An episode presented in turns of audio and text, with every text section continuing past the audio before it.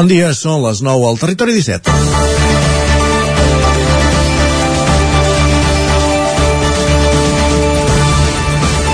L'Ajuntament de Ripoll ha anunciat que farà arribar al Departament de Territori a Renfe el seu malestar per la remodelació dels horaris i freqüències de tren de la línia R3.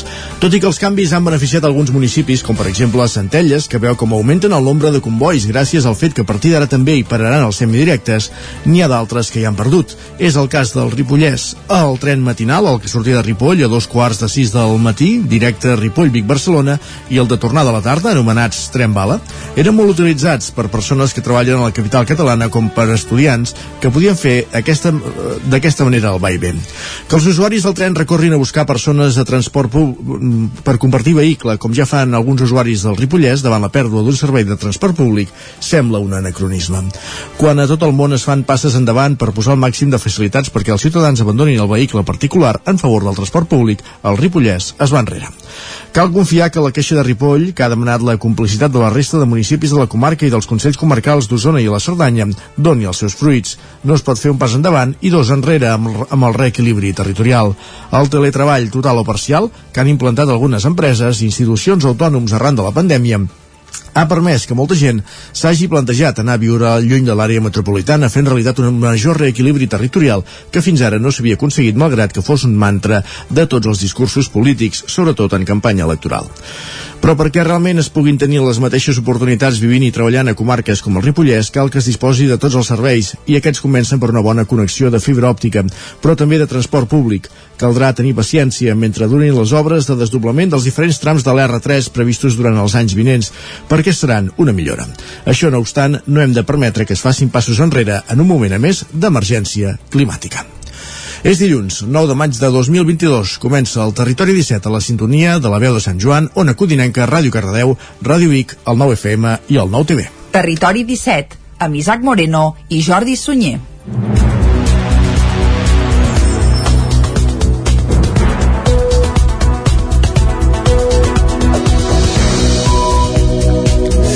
Passen dos minuts i mig de les 9 del matí d'avui dilluns dia 9 de maig de 2022 i arrenca ara mateix un nou Territori 17 que avui, com sempre, durant la primera hora us acostarà tota l'actualitat de les nostres comarques. A partir de les 10 actualitzarem butlletí informatiu, farem un cop d'ull a la previsió meteorològica i arribarà l'entrevista. Avui, Isaac, cap on? Avui anirem cap al Vallès Oriental. Parlarem amb la Júlia Mur, en companyia de la Caral Campàs, des d'Ona Codinenca. La Júlia Mur és una estudiant de cinemes de Caldes de Montbui que està fent el treball de fi de carrera a l'ESCAC sobre, i en aquest treball de fi de carrera el que està fent és un curtmetratge sobre els abusos sexuals dins la parella.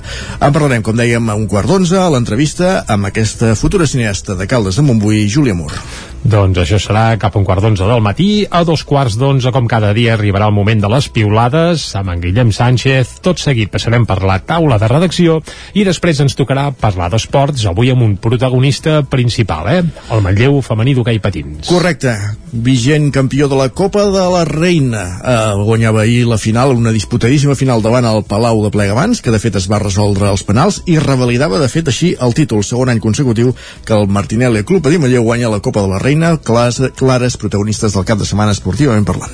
Doncs moltes més coses les repassarem a l'apartat de repàs esportiu del cap de setmana pels principals equips del territori 17. A les 11 arribarà el moment d'actualitzar de nou el butlletí informatiu i tot seguit parlarem eh, amb l'Adrià Oliveres, oi? Els Solidaris, l'espai de solidaritat que cada setmana ens porta mm, l'Adrià des de Ràdio Vic, avui parlant de Parranda Clowns. Els descobrirem a partir d'un quart de dotze. A dos quarts de dotze serà el moment de pujar a la R3, a la Trenc d'Alba, i després, com cada dia i com cada dilluns, acabarem fent tertúlia esportiva. Després d'una jornada més en què el Barça va guanyar pels pèls el Betis, 2 a 1, i l'Atlètic de Madrid va, va superar ahir el gran campió de la Lliga, el Madrid, 1 a 0. Sí, el gran campió, que com que ja era campió, fins i tot es va reservar Benzema a la banqueta, eh? Carai. entre d'altres entre d'altres jugadors que, que bé, que s'ho van mirar això des de la banqueta. Aquest punt esportiu el farem a la part final d'un programa que ara, com sempre, arrenca fent un repàs a l'actualitat de les nostres comarques. Ja ho sabeu, les comarques del Ripollès, Osona, el Moianès i el Vallès Oriental. Com dèiem, les protagonistes del cap de setmana són les jugadores del Club Patí Manlleu, guanyadores de la Copa de la Reina d'hoquei patins per segon any consecutiu. Segona Copa de la Reina consecutiva pel, pel Martinèlia Club Patí Manlleu, després de superar ahir diumenge en una disputadíssima final al Palau de Plegamans per 1 a 3, això sí, a la tanda de penals. El temps reglamentari havia acabat amb empat a 3. La final no va començar gens bé per l'equip de Jordi Boada, que perdia 1 a 0 al minut 4 gràcies a un gol de Font de Glòria. Maria Diez i Ona Castellví, però, van capgirar el marcador abans del descans. Font de Glòria va empatar a 5 minuts pel final i va forçar una pròrroga. Altre cop Font de Glòria i Nara López van marcar el 3 a 3 al temps afegit i van forçar els penals que es van acabar vaja, que van acabar caient pel cantó del Manlleu. Anna Casa Ramona va ser escollida millor jugadora de la final, mentre que Maria Diez suma un nou títol en el seu comiat com a jugadora d'hoquei. Recordem que us explicàvem fa uns dies que ja va anunciar que a final d'aquesta temporada penjaria els patins. Abans d'arribar a la final, el Manlleu s'havia desfet de l'Igualada i també del Telecable Gijón. El Voltregà, per la seva banda, va quedar eliminat divendres als quarts de final davant precisament el Telecable Gijón. Vic convertirà el bloc abandonat de l'antiga Genís Antel en pisos socials tot i estar en zona inundable. Es pot rehabilitar perquè manté la cèdula d'habitabilitat. La recuperació de les cèdules d'habitabilitat del bloc de pisos abandonat que hi ha al solar de l'antiga Genís Antel de Vic ha obert la porta a la creació de nou habitatge social a la capital d'Osona. Així ho confirmava la regidora d'Urbanisme, Fabiana Palmero. La clau es troba en el fet que l'habitatge ja està construït i el que no permet el planejament urbanístic vigent és construir nous edificis en aquests solars o fer canvis d'usos. De fet, aquests, torren, aquests terrenys a tocar del riu Meder van ser el detonant de l'anul·lació del PAUM aprovat el 2010. En un primer moment, aquesta zona estava qualificada com a sol urbanitzable i fins i tot s'hi havia projectat un barri residencial d'alt nivell. En el nou PAUM, els gairebé 36.000 metres quadrats del solar de l'antiga fàbrica de Genís Antel a Vic passaven a ser sol no urbanitzable i un cop acordada l'expropiació amb la propietat, via permuta, el juliol de l'any passat la previsió era fer-hi una gran àrea verda. Aquest projecte es manté, però ara s'hi afegeix l'objectiu de reaprofitar el bloc de pisos que encara s'hi manté dret. En els últims mesos, l'Ajuntament ha tancat tots els accessos a l'immoble a consciència, ja que en els darrers anys les ocupacions dels pisos i els actes vandàlics en forma d'incendis i destrosses havien sigut habituals. Recentment també s'hi ha instal·lat una porta de seguretat. Amb la idea clara de fer-hi pisos socials, l'elaboració del pla d'habitatge local, en el qual treballa l'Ajuntament de Vic, permetrà fer un diagnòstic i determinar quina tipologia d'habitatge i per quines necessitats es destinarà. A l'espera de l'anàlisi dels tècnics, tot apunta que l'immoble podria acollir uns 8 pisos. Més qüestions, anem cap al Ripollès perquè Manoli Vega ja s'ha convertit oficialment en la candidata de Junts per Ripoll a les eleccions municipals del 2023. La veu de Sant Joan, Isaac Muntades.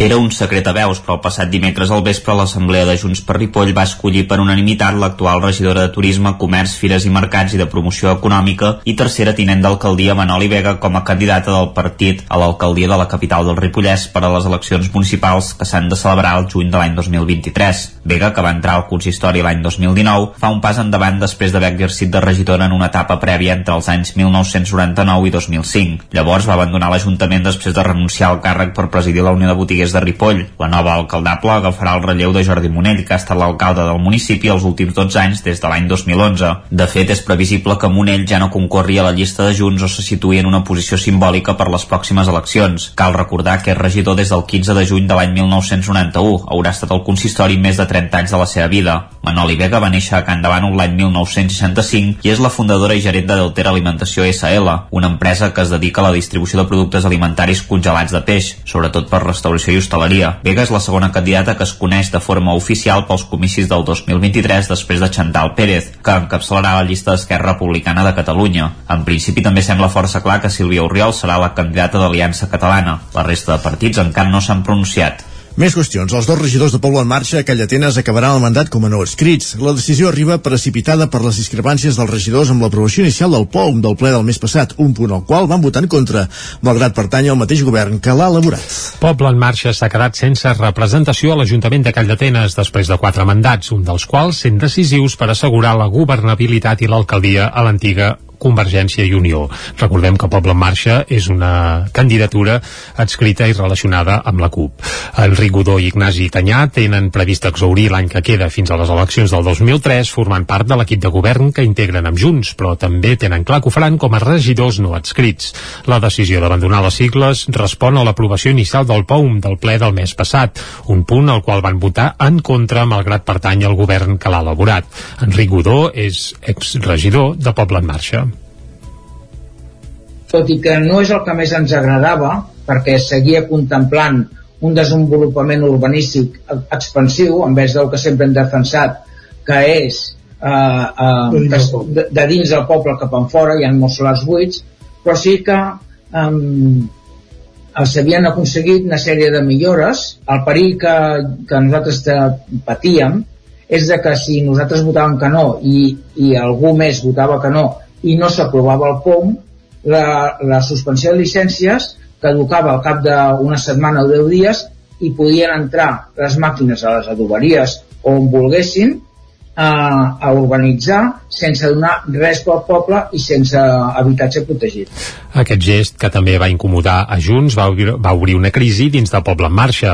Ells mateixos van plantejar dues opcions a l'Assemblea, renunciar a l'acte i que el substituïssin al consistori dues altres persones, o deixar enrere les sigles i passar a ser regidors no adscrits. Aquesta, aquesta fórmula és la que diuen que es va ratificar per majoria. Escoltem de nou a Enric Godó. Això no és estar a males amb absolutament ningú.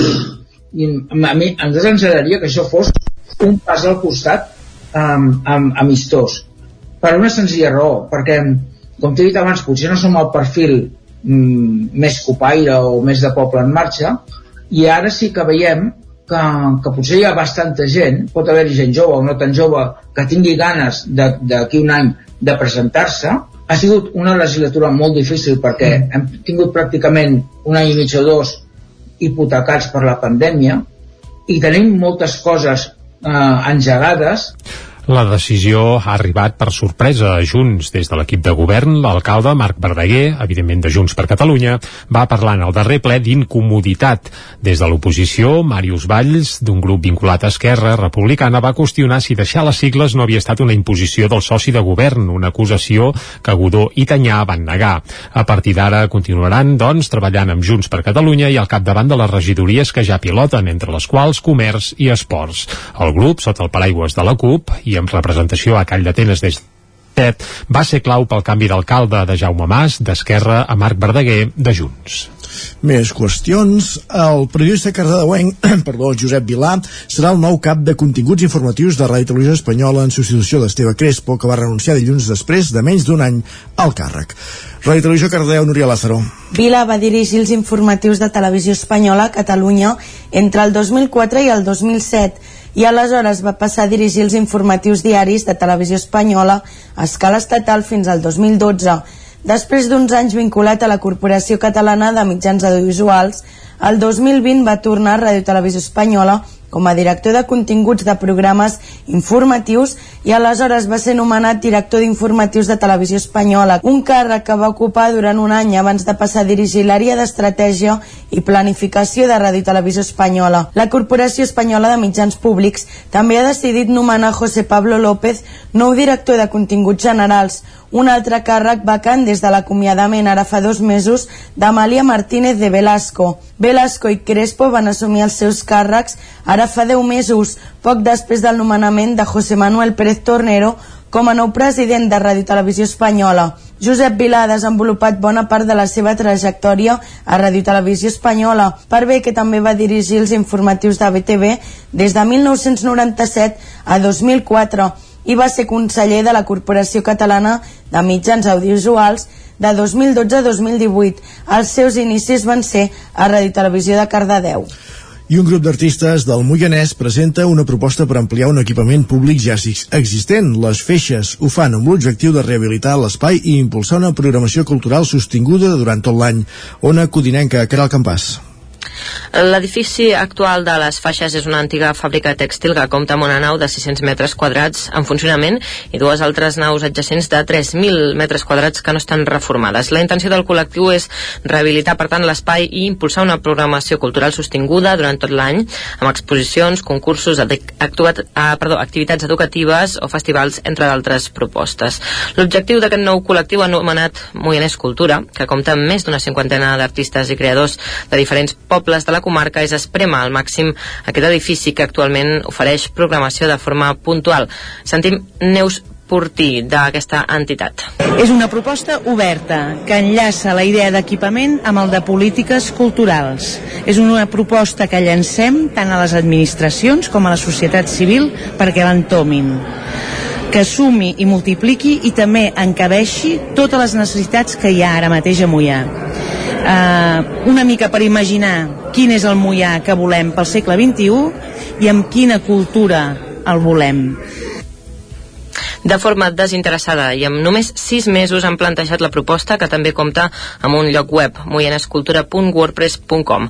El projecte presentat contempla tot el que hauria de tenir el nou espai des dels usos a les zones fins a la gestió. Pel que fa a la distribució dels espais, volen instal·lar unes petites grades o cadires per habilitar una sala com a petit teatre. També els agradaria comptar amb una zona on poder fer aeris de circ, un espai per fer concerts, una sala d'exposicions i polivalent o un bar. Alhora van afirmar que al pis superior li donarien un ús privat per tal de dur a terme projectes com coworking, residències d'artistes o sales d'assaig que es poguessin llogar o reservar. Sobre la gestió van parlar de la necessitat d'un gestor cultural que exercís de director i que comptés amb el suport d'una junta rotativa amb diferents papers fixos, com per exemple una persona especialitzada en sol·licitar subvencions. Tot plegat amb el suport necessari, van dir, de la regidoria de Cultura i sobretot finançada principalment a través del pressupost municipal. I amb aquesta informació des d'una codinenca que acabem aquest repàs informatiu que començàvem a les 9 del matí en companyia de Caral Campàs, Jordi Sunyer, Núria Lázaro Isaac Muntades. Moment ara de conèixer la previsió del temps.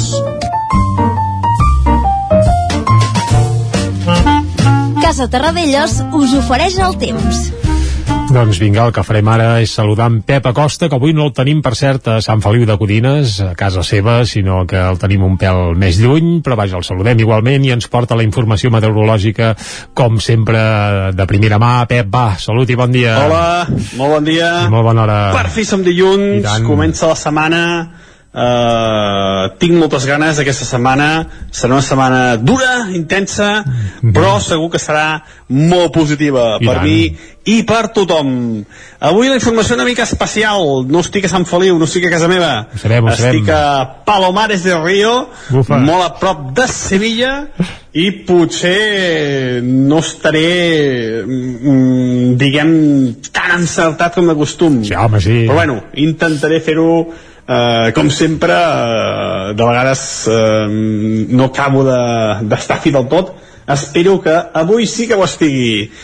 Primer de tot eh, el, que sé, el que sé el que sé és que he fet el cap de setmana. Encara que no hi sigui, ho sé perquè sempre intento mirar totes les notícies meteorològiques que passen a prop de casa nostra. I podem dir que hi va haver una tempesta diumenge la tarda, poca pluja eh, jo em pensava que plouria més vaig pronosticar més pluja però va ploure poc. Uns 4-5 litres a tot estirar. I ens llevem avui amb unes temperatures força, força baixes força baixes uns 9-10 graus la majoria de, de, la, de, de temperatures a les zones més fredes per sobre dels 10 graus cap al prelitoral i la majoria, la majoria com deia entre els 8, 10, 11 graus. Una mica, una mica de fresca encara que no molta. Les màximes al cap de setmana han voltat entre els 23 i 28 graus. I avui seran iguals seran iguals.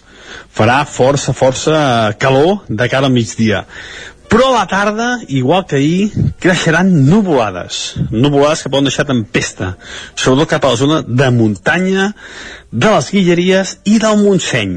Precipitacions poc importants, uns 4 o 5 litres.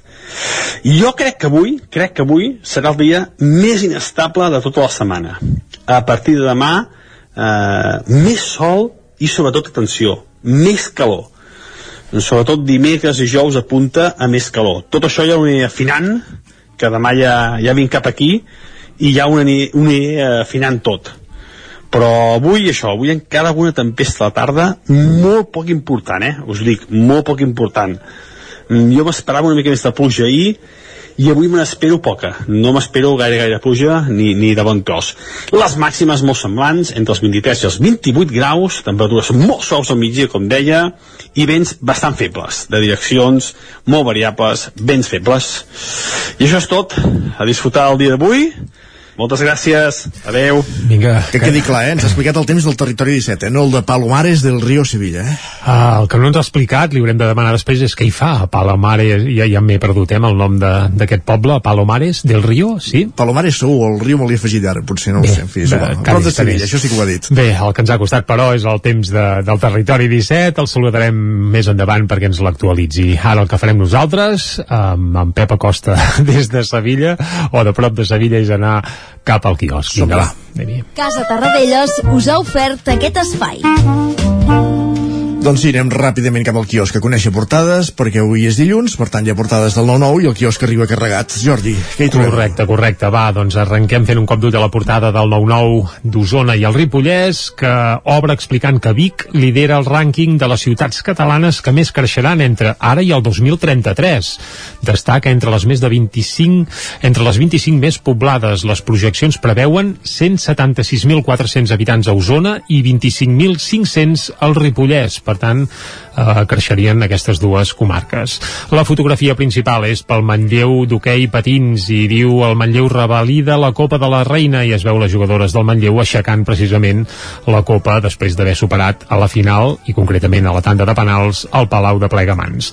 També apareix que prohibiran banyar-se en un tram de 6 quilòmetres de la Riera de Merlès, en aquest cas el Lluçanès, i detingut a Vic perquè la foc en una autocaravana, eh, el detingut, volem dir a Vic, perquè la foc en una autocaravana, un succés del qual ens fèiem ressò dijous passat aquí a Territori, a Territori 17, es veu que hauria atracat un home amb un ganivet just abans de cremar l'autocaravana. Mare de Déu, quin déu nhi sí, sí.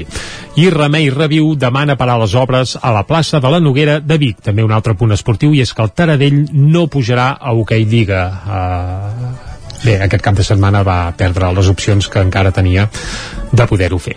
Més coses, anem al 9-9 del Vallès Oriental, titular principal, dos de cada tres municipis reforcen la seguretat amb càmeres als accessos. Vuit localitats més avancen el procés per instal·lar-ne properament.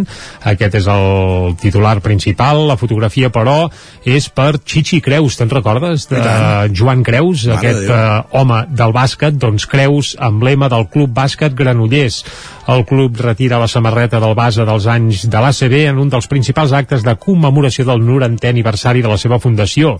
I és que el Granollers, als anys 80 i fins a mitjans Que dels colat- 90... que colat Granollers. Correcte, era equip de, no sé si es deia ACB No, aleshores, però, ACB, no. però de la primera divisió del bàsquet estatal i en Joan Creus era un dels seus principals eh, bé, eh, jugadors abans de fitxar pel Barça, perquè recordem que també va estar uns quants anys I acabar la doncs, seva... a Girona. No, a Manresa va acabar. Ah, Manresa, és veritat, potser sí. sí, sí també sí. va passar pel Girona, que es deia Balbi, eh? Aleshores, ho Hosti, recordes? No, no sé, que, que va acabar a Girona, sí, segur, i es va Exacte. retirar, però Ah. molt tard, amb 40 llargs. Bueno, amb el TDK Manresa i va guanyar una Lliga CB amb el. Manresa. Sí, sí, va ser allò espectacular, carrera, sí, sí. espectacular. Bé, doncs aquest cap de setmana a Joan Creus li han fet un homenatge ben merescut, en aquest cas a Granollers. Seguim, va, més coses que apareixen a la portada del 9-9 eh, del Vallès Oriental. Grano- Granollers exi- exigirà al govern que arregli els desperfectes al carrer Sants durant l'edificació del centre de salut. També la Fundació Vallès Oriental innova el model de centre ocupacional i la planta de bosc a Lliçà d'Amunt rep una segona oferta de reindustrialització. També l'escorxador del Montseny torna a operar després de 3 anys d'inactivitat. I anem ara ràpidament a fer un cop d'ull a les portades d'àmbit nacional. Comencem, si et sembla, Isaac, eh, pel punt avui. Titular principal, transport públic sota pressió. La pèrdua d'usuaris i l'encariment de l'energia tensen els seus comptes. Aquest és uh, la informació principal que apareix i l'ATM, que és eh, els transports metropolitans, reclama una injecció de 200 milions d'euros per reforçar l'oferta. La fotografia és, ja que parlàvem de bàsquet abans, és pel Manresa, i és que ahir es va quedar a les portes de la glòria. Els del Bages no poden amb el Tenerife i perden a la final de la Champions, que entre cometes seria com la UEFA del bàsquet sí, ara mateix a nivell europeu. Per la Lliga Europea. Ah, exacte. Doncs bé, el, va, el Manresa va arribar a la final, amb tot mereixement, però va fer un tercer quart eh, fatal, és a dir, va ser vaja, molt, molt desafortunat el seu tercer quart i el Tenerife es va endur la molt, final. I molt afortunat per part del Tenerife que va haver-hi un moment que no, no paraven d'entrar triples però, però fi. Sí, bé, sí. és el que té el bàsquet. Uh, què més apareix a la portada del punt avui? I és que la candidatura conjunta dels Jocs d'hivern fa aigües. Això apareix també a la portada del punt avui. Anem cap a l'ara. Borràs vol blindar les llicències per edat ja concedides. Les 12 llicències autoritzades per però aturades, quan l'Anna va destapar el cas, ja es comencen a pagar déu nhi uh, continua l'embolic uh, al Parlament amb, aquest, amb aquestes llicències. La fotografia, però, no és per Laura Borràs, sinó que és per, uh, pels YouTube, per U2, que van tocar el metro de Kif, van fer un concert uh, al metro.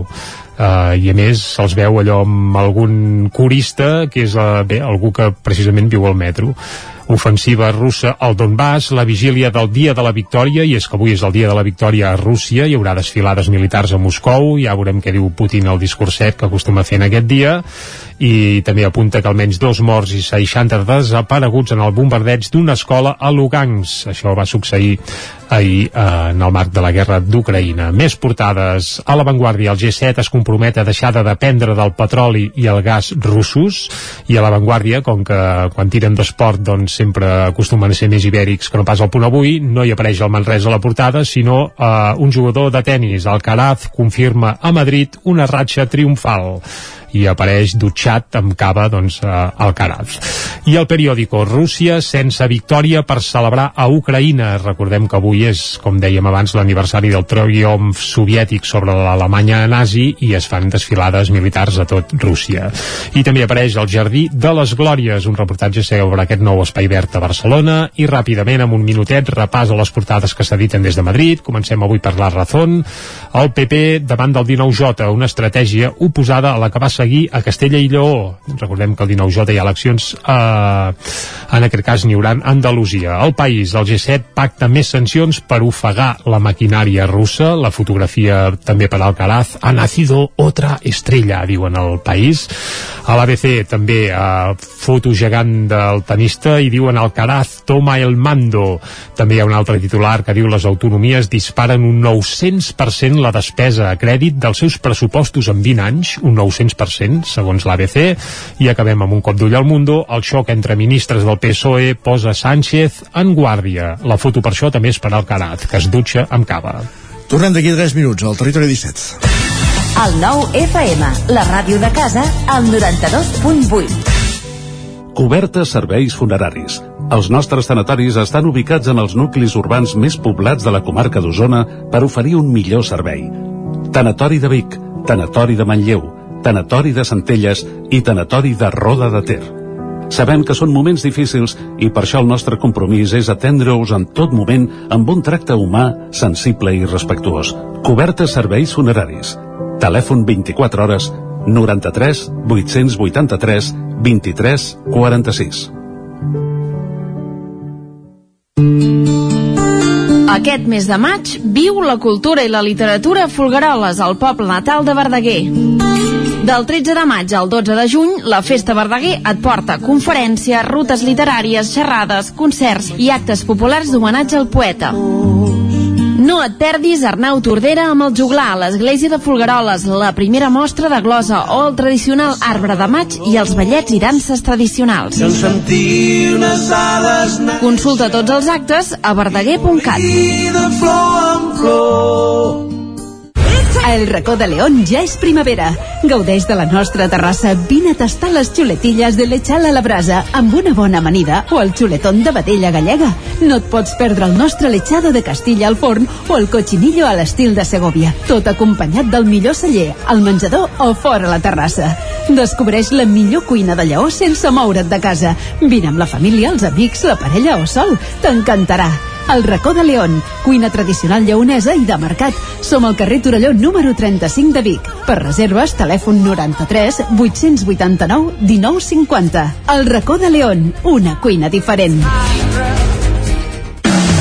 Arriba la primavera i tornen les samarretes. A Gràfic Cert tenim una extensa varietat de samarretes per vestir el teu personal, promocionar la teva empresa, club esportiu, associació... Si estàs organitzant un esdeveniment esportiu o una festa cultural, una samarreta és una bona opció per lluir la teva marca. Ja ho saps, si el que necessites per la teva promoció és una samarreta, Gràfic Cert és el teu proveïdor. I ara també tenim a la teva disposició samarretes 100% reciclades tant de cotó com de polièster. No esperis més i truca'ns al 93 886 12 15 o visita'ns a graficcert.com. Cocodril Club. Si t'agrada la bona música dels anys 60, 70 i 80, escolta el 9 FM els matins de dissabtes i diumenges d'11 a 1. És el temps del Cocodril Club, tot un clàssic de la ràdio, amb les bases del pop-rock, les llegendes, les cançons que s'han convertit en autèntics himnes. Recorda, dissabtes i diumenges al matí, d'11 a 1, al 9 FM 92.8. Cocodril Club, el programa revival de l'Albert Malla. Hasta luego, cocodrilo. En punt, dos quarts de deu al territori 17. Territori 17, amb Isaac Moreno i Jordi Sunyer.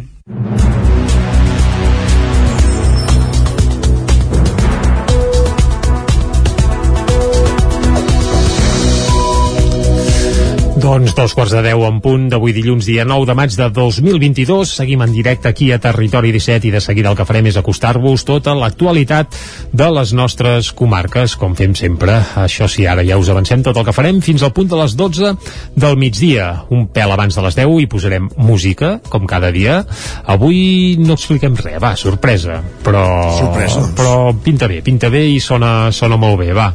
A les 10 actualitzarem butlletí informatiu i tot seguit a l'entrevista, Isaac, anirem cap a Caldes de Montbui, oi? Exacte, en companyia de la Caral Campàs, des d'Ona Codinenca conversarem amb la Júlia Mur, veïna de Caldes de Montbui, estudiant de cinema a l'ESCA, que està fent el treball de fi de carrera amb un curt sobre els abusos sexuals dins la parella. Uh, com dèiem, en parlarem a partir d'un quart d'onze a l'entrevista. A dos quarts serà el moment de les piulades, tot seguit passarem per la taula de redacció i després ens tocarà parlar d'esports, diguem-ne, de proximitat. Exacte, uh, en un cap de setmana marcat per la victòria del Club Patí Manlleu a la final de la Copa de la Reina, per tant, per segon any consecutiu, les jugadores del Martinelli Club Patí Manlleu, campiones de la Copa de la Reina, i ara el que falta ja és lluitar pel playoff de, de l'Hockey Lliga. Uh, per tant, grans protagonistes del cap de setmana, en un cap de setmana també ho dèiem abans, que el Taradell no va poder superar el Vilafranca i per tant perdia les opcions de jugar al playoff d'ascens a l'Hockey Lliga. De tot plegat, però, en parlarem um, de tots els esports de les diferents zones del territori 17 just abans de les 11. Més endavant, butlletí informatiu, com deia l'Isaac, a les 11 i tot seguit arribarà, com cada dilluns, als solidaris. L'espai de solidaritat que ens arriba des de Ràdio Vic, de la mà de l'Adrià Oliveres i avui parlant de Parrand de Clowns. A dos quarts de 12 serà el moment, com cada dia, de pujar a la R3, a la Trenc d'Alba. Procurarem fer-ho amb puntualitat, no com passa sovint a la Renfe. I el que també arribarà, com sempre, els dilluns, és la tertúlia esportiva. Com sempre, amb eh, l'Isaac Muntades, Lluís de Planell, Guillem Freixa, parlant de com ha anat aquest cap de setmana esportivament parlant, i aquest cap de setmana futbolísticament parlant, en què el Barça guanyava 2 a 1 al Betis dissabte a la nit, i l'Atlètic de Madrid superava i el Madrid per 1 a 0. Doncs vinga, fet tot aquest repàs, el que ens toca ara, com sempre, és acostar-vos a l'actualitat de les nostres comarques. Ja ho sabeu, les comarques del Ripollès, Osona, el Moianès i el Vallès Oriental. Com dèiem, les protagonistes del cap de setmana són les jugadores del Club Patí Manlleu, guanyadores de la Copa de la Reina d'hoquei patins per segon any consecutiu. Segona Copa de la Reina consecutiva pel, pel Martinelli Club Patí Manlleu, després de superar ahir diumenge en una disputadíssima final al Palau de Plegamans per 1 a 3, això sí, a la tanda de penals. El temps reglamentari havia acabat amb empat a 3. La final no va començar gens bé per l'equip de Jordi Boada, que perdia 1 a 0 al minut 4 gràcies a un gol de Font de Glòria. Maria Diez i Ona Castellví, però, van capgirar el marcador abans del descans. Font de Glòria va empatar a 5 minuts pel final i va forçar una pròrroga. Altre cop Font de Glòria i Nara López van marcar el 3 a 3 al temps afegit i van forçar els penals que es van acabar vaja, que van acabar caient pel cantó del Manlleu. Anna Casa Ramona va ser escollida millor jugadora de la final, mentre que Maria Diez suma un nou títol en el seu comiat com a jugadora d'hoquei. Recordem que us explicàvem fa uns dies que ja va anunciar que a final d'aquesta temporada penjaria els patins. Abans d'arribar a la final, el Manlleu s'havia desfet de l'Igualada i també del Telecable Gijón. El Voltregà, per la seva banda, va quedar eliminat divendres als quarts de final davant precisament el Telecable Gijón. Vic convertirà el bloc abandonat de l'antiga Genís Antel en pisos socials tot i estar en zona inundable. Es pot rehabilitar perquè manté la cèdula d'habitabilitat. La recuperació de les cèdules d'habitabilitat del bloc de pisos abandonat que hi ha al solar de l'antiga Genís Antel de Vic ha obert la porta a la creació de nou habitatge social a la capital d'Osona. Així ho confirmava la regidora d'Urbanisme, Fabiana Palmero. La clau es troba en el fet que l'habitatge ja està construït i el que no permet el planejament urbanístic vigent és construir nous edificis en aquests solars o fer canvis d'usos. De fet, aquests, torran, aquests terrenys a tocar del riu Meder van ser el detonant de l'anul·lació del PAUM aprovat el 2010. En un primer moment, aquesta zona estava qualificada com a sol urbanitzable i fins i tot s'hi havia projectat un barri residencial d'alt nivell. En el nou PAUM, els gairebé 36.000 metres quadrats del solar de l'antiga fàbrica de Genís Antel a Vic passaven a ser sol no urbanitzable i un cop acordada l'expropiació amb la propietat via permuta, el juliol de l'any passat la previsió era fer-hi una gran àrea verda. Aquest projecte es manté, però ara s'hi afegeix l'objectiu de reaprofitar el bloc de pisos que encara s'hi manté dret. En els últims mesos, l'Ajuntament ha tancat tots els accessos a l'immoble a consciència, ja que en els darrers anys les ocupacions dels pisos i els actes vandàlics en forma d'incendis i destrosses havien sigut habituals. Recentment també s'hi ha instal·lat una porta de seguretat, amb la idea clara de fer-hi pisos socials, l'elaboració del pla d'habitatge local en el qual treballa l'Ajuntament de Vic permetrà fer un diagnòstic i determinar quina tipologia d'habitatge i per quines necessitats es destinarà. A l'espera de l'anàlisi dels tècnics, tot apunta que l'immoble podria acollir uns 8 pisos. Més qüestions, anem cap al Ripollès perquè Manoli Vega ja s'ha convertit oficialment en la candidata de Junts per Ripoll a les eleccions municipals del 2023. La veu de Sant Joan, Isaac Muntades.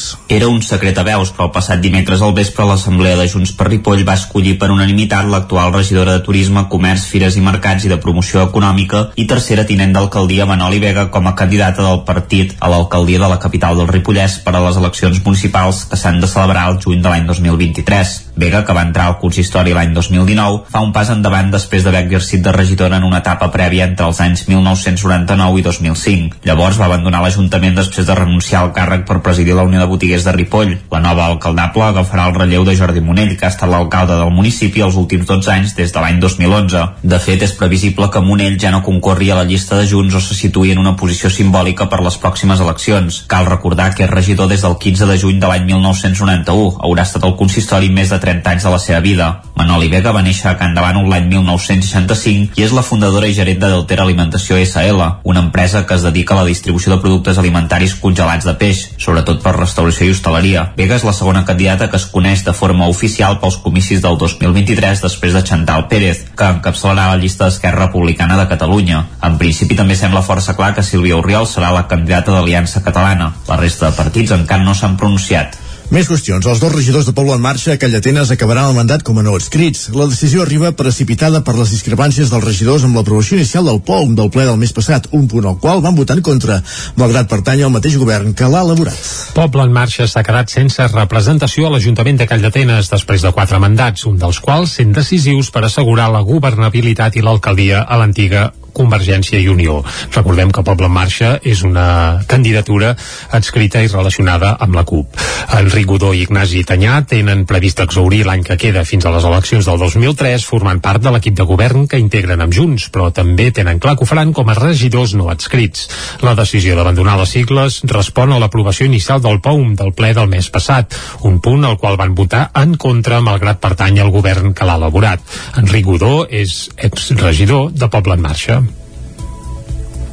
tot i que no és el que més ens agradava perquè seguia contemplant un desenvolupament urbanístic expansiu en vez del que sempre hem defensat que és eh, eh, de, de dins del poble cap en fora hi ha molts solars buits però sí que eh, s'havien aconseguit una sèrie de millores. El perill que, que nosaltres patíem és de que si nosaltres votàvem que no i, i algú més votava que no i no s'aprovava el POM la, la suspensió de llicències caducava al cap d'una setmana o deu dies i podien entrar les màquines a les adoberies o on volguessin a, a urbanitzar sense donar res pel poble i sense habitatge protegit. Aquest gest, que també va incomodar a Junts, va obrir, va obrir una crisi dins del poble en marxa.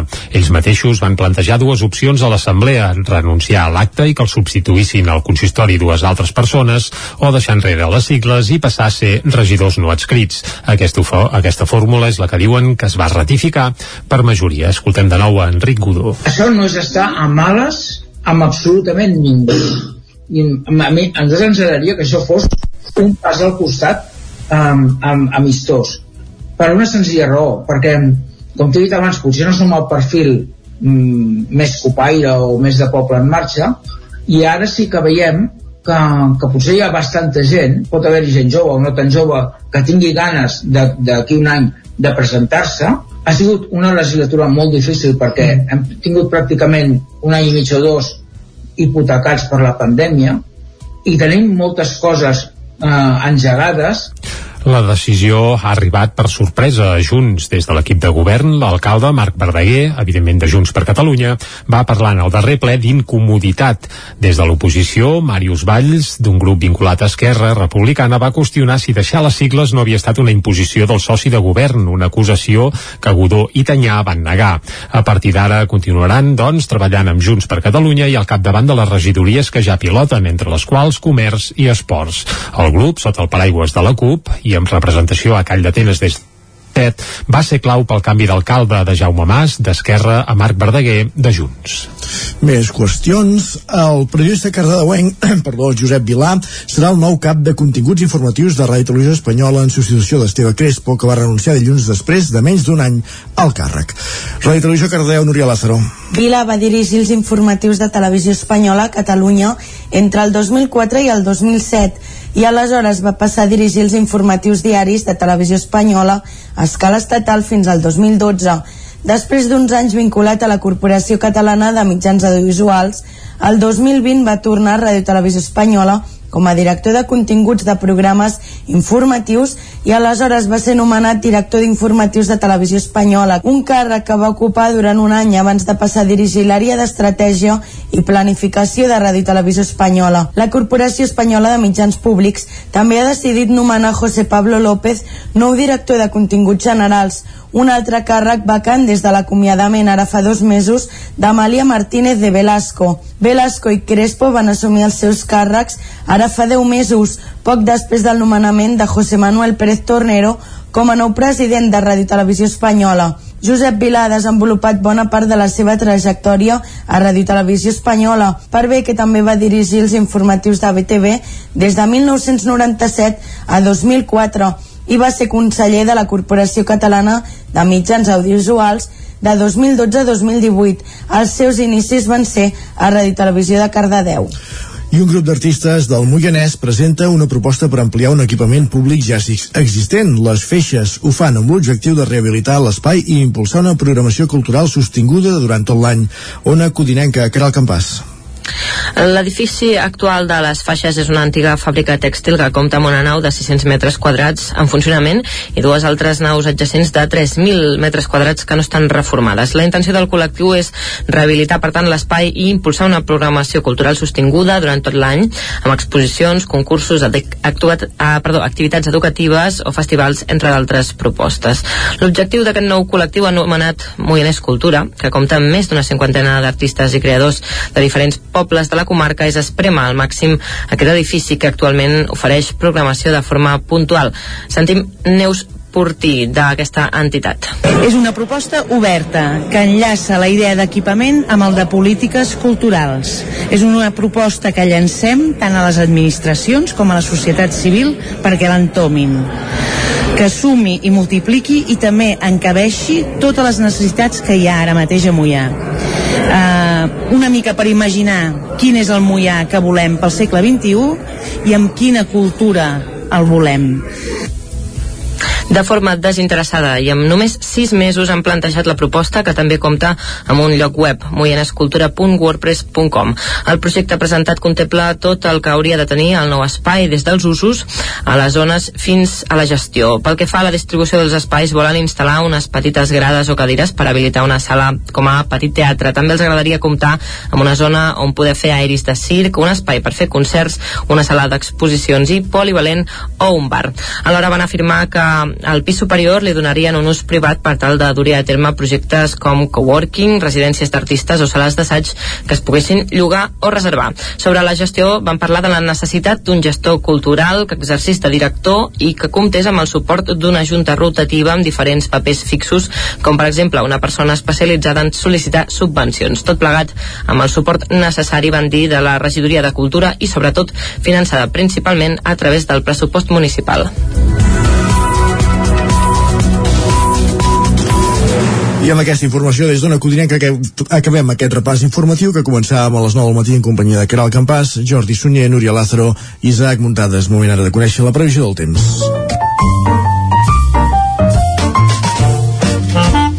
Casa Terradellos us ofereix el temps.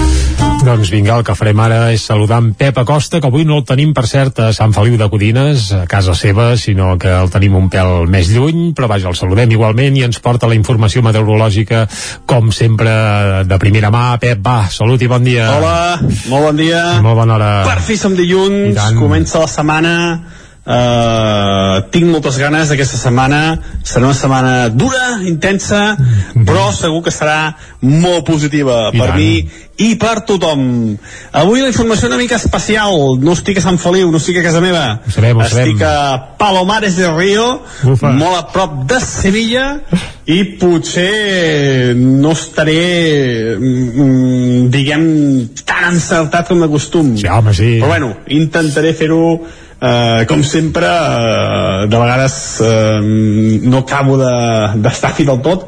Espero que avui sí que ho estigui. Primer de tot eh, el, que sé, el que sé el que sé és que he fet el cap de setmana. Encara que no hi sigui, ho sé perquè sempre intento mirar totes les notícies meteorològiques que passen a prop de casa nostra. I podem dir que hi va haver una tempesta diumenge la tarda, poca pluja eh, jo em pensava que plouria més vaig pronosticar més pluja però va ploure poc. Uns 4-5 litres a tot estirar. I ens llevem avui amb unes temperatures força, força baixes, força baixes, uns 9-10 graus la majoria de, de, la, de, de temperatures, a les zones més fredes, per sobre dels 10 graus cap al prelitoral, i la majoria, la majoria, com deia, entre els 8, 10, 11 graus, una mica, una mica de fresca, encara que no molta. Les màximes del cap de setmana han voltat entre els 23 i 28 graus. I avui seran iguals, seran iguals. Farà força, força calor de cara al migdia.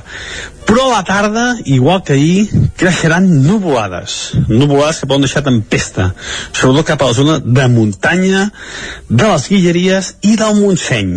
Precipitacions poc importants, uns 4 o 5 litres. Jo crec que avui, crec que avui serà el dia més inestable de tota la setmana. A partir de demà, eh, més sol i sobretot, atenció, més calor. Sobretot dimecres i jous apunta a més calor. Tot això ja ho aniré afinant, que demà ja, ja vinc cap aquí, i ja ho aniré, ho aniré afinant tot però avui això, avui encara alguna tempesta a la tarda molt poc important, eh? us dic, molt poc important. Jo m'esperava una mica més de pluja ahir i avui me n'espero poca. No m'espero gaire gaire pluja ni, ni de bon tros.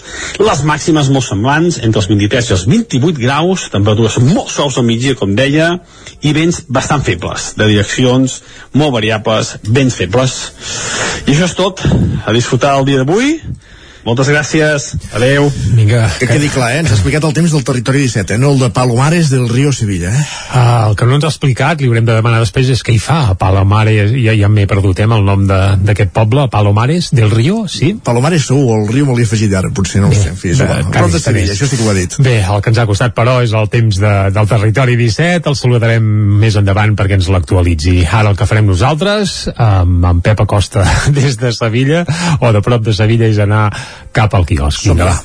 Casa Tarradellas us ha ofert aquest espai. Doncs sí, anem ràpidament cap al quiosc a conèixer portades, perquè avui és dilluns, per tant hi ha portades del 9-9 i el quiosc arriba carregat. Jordi, què hi trobem? Correcte, correcte. Va, doncs arrenquem fent un cop d'ull a la portada del 9-9 d'Osona i el Ripollès, que obre explicant que Vic lidera el rànquing de les ciutats catalanes que més creixeran entre ara i el 2033. Destaca entre les més de 25, entre les 25 més poblades. Les projeccions preveuen 176.400 habitants a Osona i 25.500 al Ripollès. Per tant, eh, creixerien aquestes dues comarques. La fotografia principal és pel Manlleu d'hoquei patins i diu el Manlleu revalida la Copa de la Reina i es veu les jugadores del Manlleu aixecant precisament la Copa després d'haver superat a la final i concretament a la tanda de penals al Palau de Plegamans.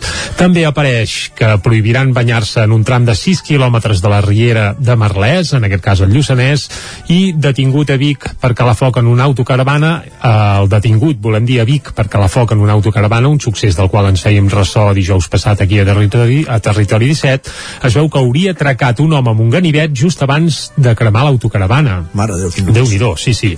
I Remei Reviu demana parar les obres a la plaça de la Noguera de Vic. També un altre punt esportiu i és que el Taradell no pujarà a Hockey Lliga. Uh, sí, aquest cap de setmana va perdre les opcions que encara tenia de poder-ho fer.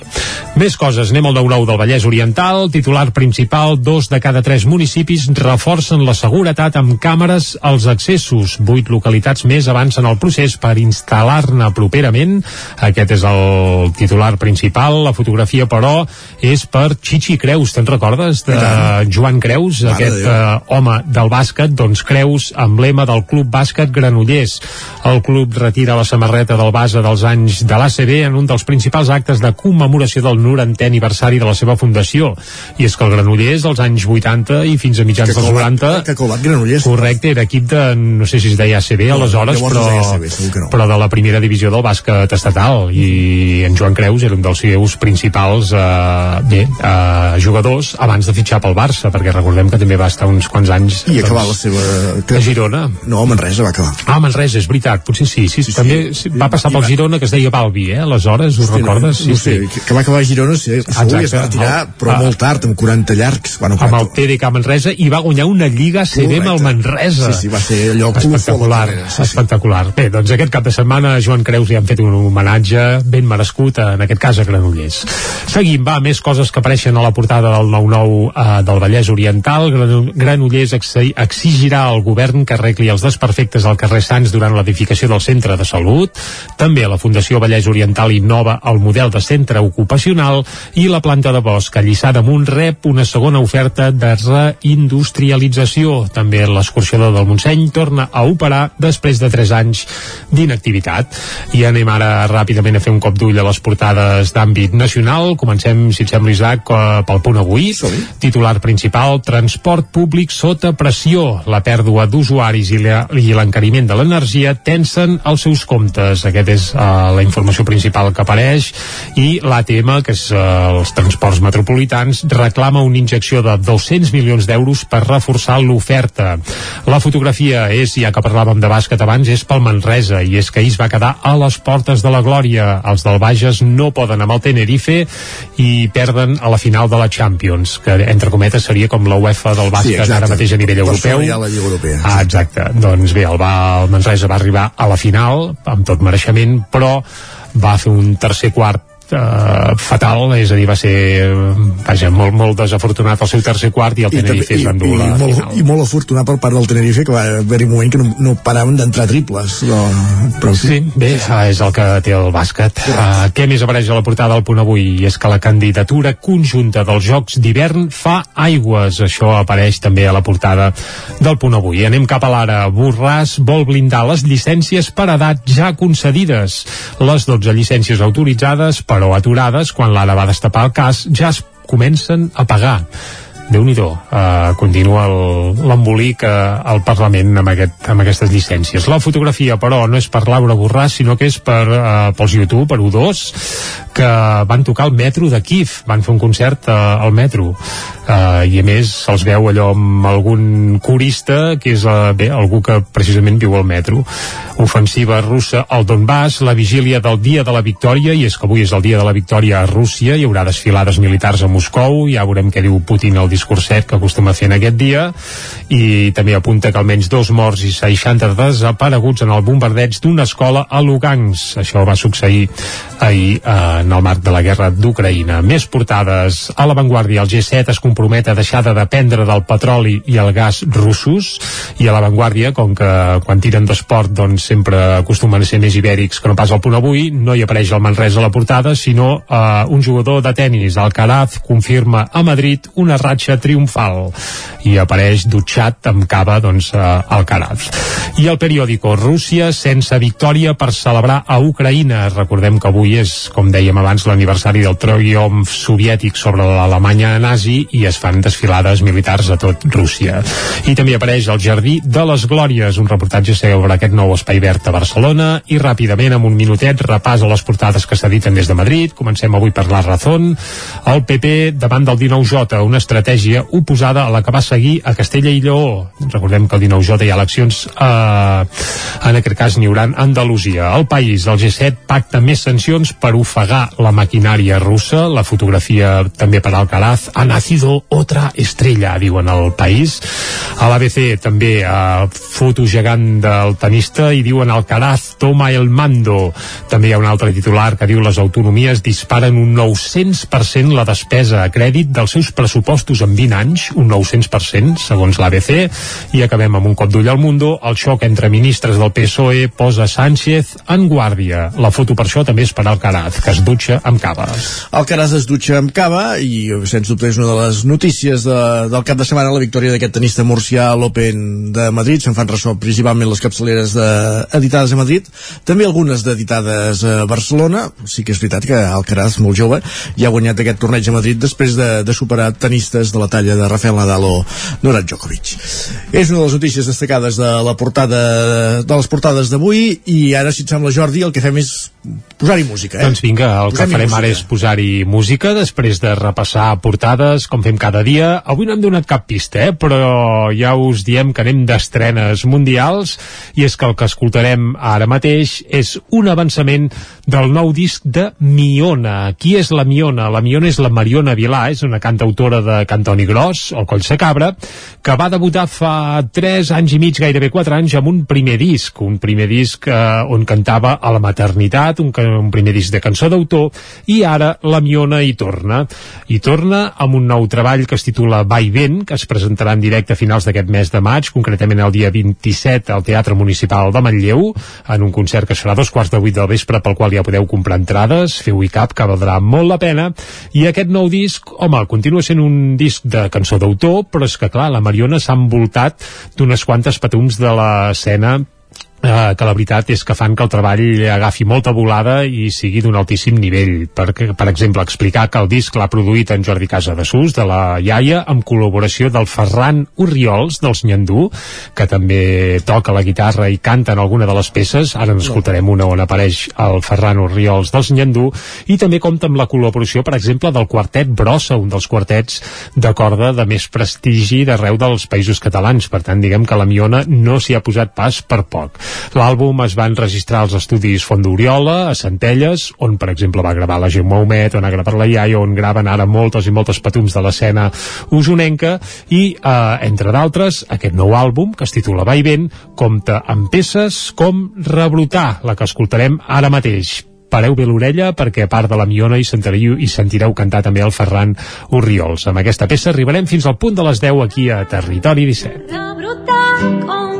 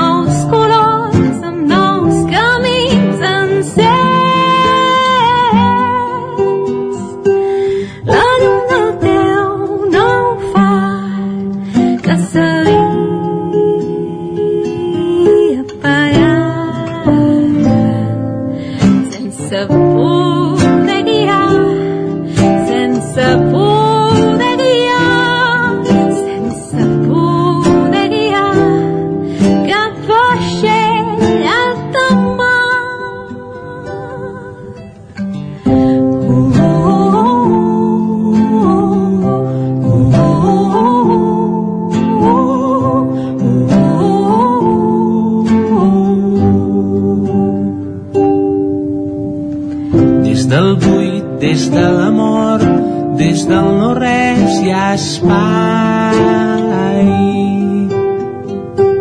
Lliure de vells paranys.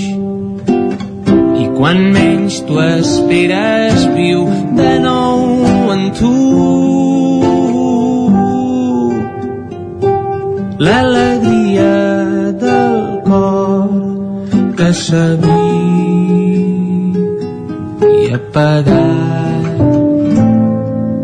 Sense trobar ningú sense trobar ningú sense trobar ningú amb qui somriure al teu costat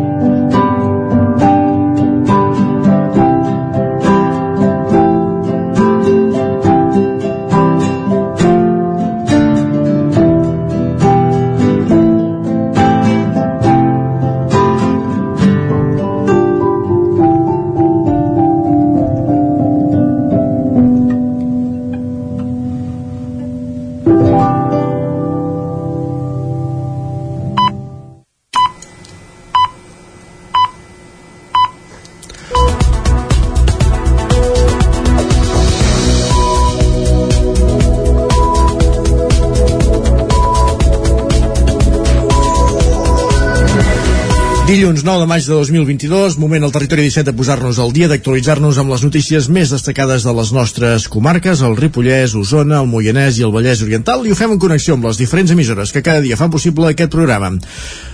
La veu de Sant Joan, Ona Codinenca, Ràdio Cardedeu, Ràdio Vic, el 9 FM i el 9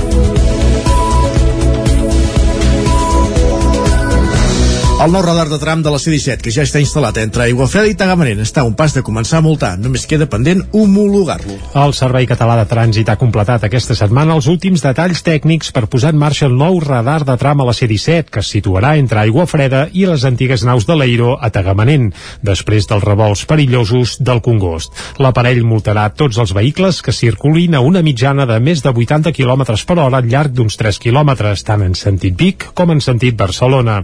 Segons informen des del Servei Català de Trànsit, superat el muntatge, ara només falta homologar-lo, de manera que entrarà en servei properament. La previsió inicial era engegar-lo aquest passat mes de març, però la crisi de matèries primeres ho va complicar i ha obligat a ajornar la posada en marxa d'aquest radar. A la C-17 ara mateix ja hi ha un altre radar de tram que està situat entre Lliçà i Parets del Vallès, a més a més de tres de fixos en termes de Centelles i també de Ceba, a l'alçada del restaurant El Pinós. Pel que fa al túnel del Figaró, també hi ha un altre aparell que està instal·lat al lateral de la carretera des de l'agost de l'any 2020, però falta acabar la connexió elèctrica i de xarxa i de moment no està en funcionament. El Servei Català de Trànsit recorda que abans de posar en marxa el cinemòmetre entre Aigua Freda i Tagamanent s'informarà a la ciutadania, però que aquesta setmana s'hagin destapat els cartells, que ja són ben visibles, fa que molts conductors ja redueixin la velocitat en passar per aquest tram. Més qüestions. Que les persones amb mobilitat reduïda puguin circular còmodament pel carrer i puguin accedir a comerços i edificis sense dificultats. Aquesta és la lluita que des de fa 40 anys dona sentit a l'Associació de Diversitat Funcional d'Osona, l'ADFO, i les quatre dècades d'història de l'entitat es van celebrar ahir diumenge amb un espectacle a l'Atlàntida que portava per títol ADFO, ADFO perdó, brilla a Broadway. Una primera trobada a l'agost de 1982 d'un grup de persones amb mobilitat reduïda i necessitats semblants va, que van decidir reunir-se per fer pinya i reivindicar qüestions d'accessibilitat va ser l'origen del que avui és l'Associació de Diversitat Funcional d'Osona, l'ATFO. Una de les fundadores de l'entitat és Anna Maria Parareda, que recorda que la primera trobada es va fer perquè es va aprovar una llei que donava 15 anys als llocs públics per adaptar les barreres arquitectòniques. Tot el que va venir després d'aquesta primera trobada, diu, era inimaginable inimaginable. Escoltem a Anna Maria Parareda. Vam tenir un local propi, que abans també ho fèiem a Casa Antoni Planes, als baixos, eh? i allà ens reuníem i ho fèiem i llavors ja vam començar a tenir un local propi la cosa ja es va anar engrandint llavors ens van donar un de més gran a baix hi ha hagut un canvi com la societat és ara que hi ha, hi ha un canvi gros 40 anys després, l'entitat continua treballant per donar assessorament i suport a les persones amb diversitat funcional. En total, atenen a prop de 400 persones en diferents casuístiques, des de persones que han nascut ja amb diversitat funcional a d'altres que han tingut malalties prèvies o accidents. Ho detalla Maria Balasc, que és la gerent de l'ATFO. Què fem? Uh, doncs nosaltres diem fem trajes a mida a les persones. Quan entra una persona eh, amb una diversitat funcional física, eh, se li fa com una radiografia, no? la treballadora social doncs mira quines són les seves necessitats, perquè cadascú pot tenir unes necessitats molt diferents, el nostre col·lectiu a més a més és molt, molt ampli també, eh, se li fa aquesta radiografia i a partir d'aquí es deriva cap al servei que, que s'acorda també amb la persona, eh? perquè la persona també ha de ser la que ha de decidir què és el que, què és el que vol fer. Actualment hi ha 13 persones a l'equip tècnic de l'ATFO i 40 treballadors al Centre Especial de Treball, l'ATFO 7. El biguetà Marcel Soler és un d'ells, un usuari precisament de l'ATFO 7. Des de fa un temps fa de missatger amb un tricicle elèctric que té l'entitat. L'escoltem. El meu dia a dia treballo de moment dilluns i dimarts, de, de 9 a 2, vaig a buscar el tricicle a la nau d'A- d'Atfosset, me'n vaig cap a Seure a, bus a buscar els paquets, vinc cap aquí a buscar el telèfon d'empresa i, de, i a repartir els paquets. I un cop acabo, vinc aquí, torno a omplir una llibreta conforme a paquets que he entregat i paquets que falten per entregar, i poqueta cosa més. I el Marcel, juntament amb d'altres companys, va ser un dels protagonistes de l'espectacle Atfo Brilla a Broadway, que es va poder veure ahir a la tarda a l'Atlàntida de Vic. Els diners recaptats, per cert, es destinaran tots a les activitats socials de l'entitat. Can de Bànol i Amélie Leven impulsen un projecte transfronterer amb el patrimoni de l'aigua com a nexe d'unió. Isaac Muntades, la veu de Sant Joan. Els ajuntaments de Camp de Bànol i Amelí-les-Vents, un municipi de la comarca de l'Alba Llespí a la Catalunya del Nord, han impulsat un projecte transfronterer que vol posar en relleu el patrimoni de l'aigua que tenen en comú. De fet, el municipi Camp de Banolenc ja va fer una primera presa de contacte amb el projecte Pirfer i vol continuar establint relacions amb municipis de la Catalunya del Nord, amb els quals no només tenen en comú el patrimoni, sinó també la llengua. El projecte té un pressupost de 25.000 euros i ha estat finançat amb fons propis i una subvenció de 7.700 euros que el consistori Camp de Banolenc va demanar a la Casa de la Generalitat.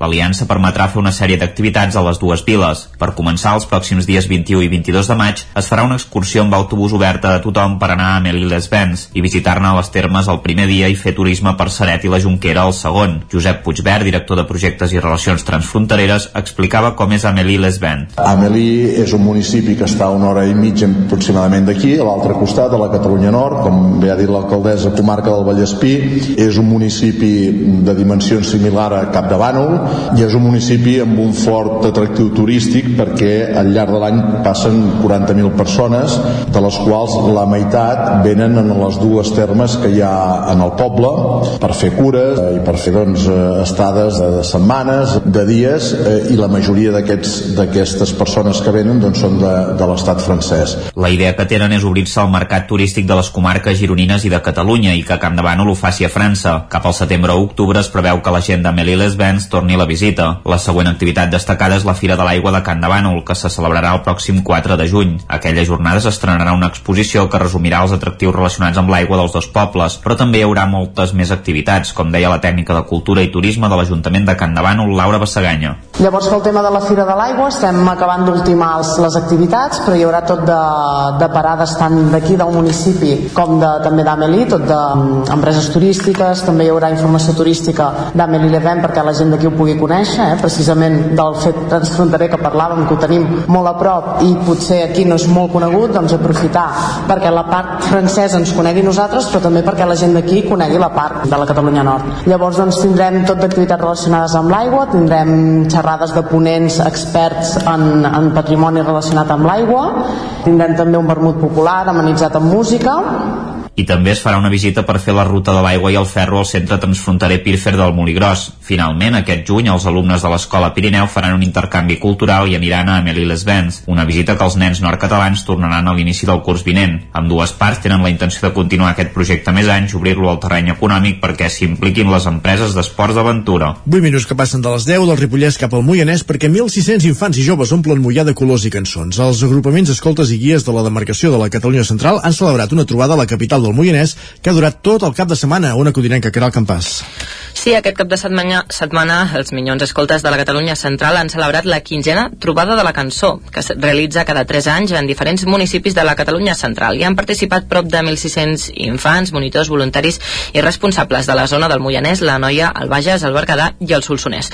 Enguany, l'agrupament anfitrió era el CAU Amadeu Uller, de Mollà, que va comptar amb la col·laboració de l'Ajuntament de Mollà i el Consell Comarcal per tal d'organitzar aquesta gran trobada. Els Minyons Escoltes i guies de la demarcació de la Catalunya Centrals es van dividir en grups d'edat per tal de començar la trobada dissabte 7 amb un seguit d'activitats i fent nit als voltants de Mollà. Diumenge 8 una cercavila els va portar al Parc Municipal Francesc Vinyes, on a mig matí es va iniciar la mostra de cançons versionades per diferents agrupaments amb una prèvia animació infantil oberta a tots els públics. L'objectiu de la trobada era desenvolupar activitats educatives i pedagògiques a través de l'acampada i la música i donar a conèixer els valors de l'escoltisme i el guiatge. L'eix central de la trobada va ser el famós personatge de còmic del Moianès, l'Ota el Bruixot, i el lema era la màgia de la nostra veu, amb la idea de treballar i visibilitzar la importància de la participació dels infants i joves en el seu propi dia a dia.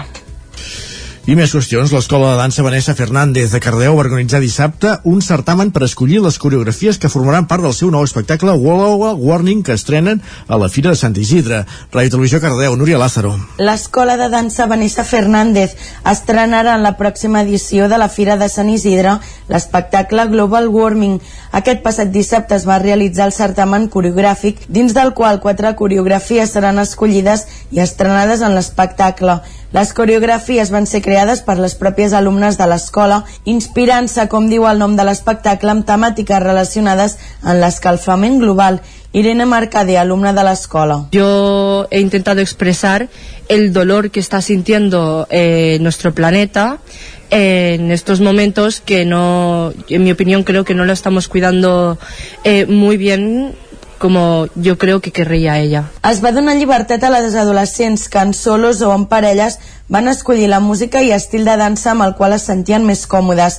De la mateixa manera van optar per representar missatges diferents dins la temàtica veient peces dedicades a l'esperança d'un món millor i altres on el rol de la ballarina era posar-se en el lloc i els sentiments de la pròpia natura. Per escollir les coreografies que finalment sortiran a l'espectacle, l'escola va optar per un jurat format per professionals en altres arts com ara una poetesa, una concertista de castanyoles o un compositor, aconseguint així que les peces siguin valorades pel que en transmet i un enfocament diferent del que tenen els professionals de la dansa. L'Alhambra Festival Jazz Vic està en marxa. Com ja és habitual, el protagonista, l'obertura va ser el piano, aquest cop a mans d'un nom emergent de la improvisació, Jordina Milà, en un concert que es va fer dijous a la nit a la Jazz Cava. El festival ha programat una quinzena d'actuacions amb noms destacats del que va seguir amb concerts durant tot el cap de setmana i acabarà aquest eh, proper diumenge. El tradicional concert de piano sol, el Pianíssim, va obrir la 24a edició de l'Alhambra Festival Jazz de Vic. La protagonista va ser Jordina Millà, un nom emergent en l'àmbit de la música improvisada i que, i que presentava una proposta innovadora que marca precisament el caràcter del Festival Bigatà. Escoltem a Jordina Millà. La proposta està basada en un concert d'improvisació lliure, que és el que em dedico jo, en el piano. La característica principal potser que és, que és més especial o més específica en aquest cas és que el piano és tractat de manera íntegra, és a dir, que també s'utilitza la part interna de l'instrument, com ja fa anys que, que funcionem d'aquesta manera, però bueno, que, que potser si les persones no ho han sentit mai, doncs pot ser interessant també de descobrir-ho.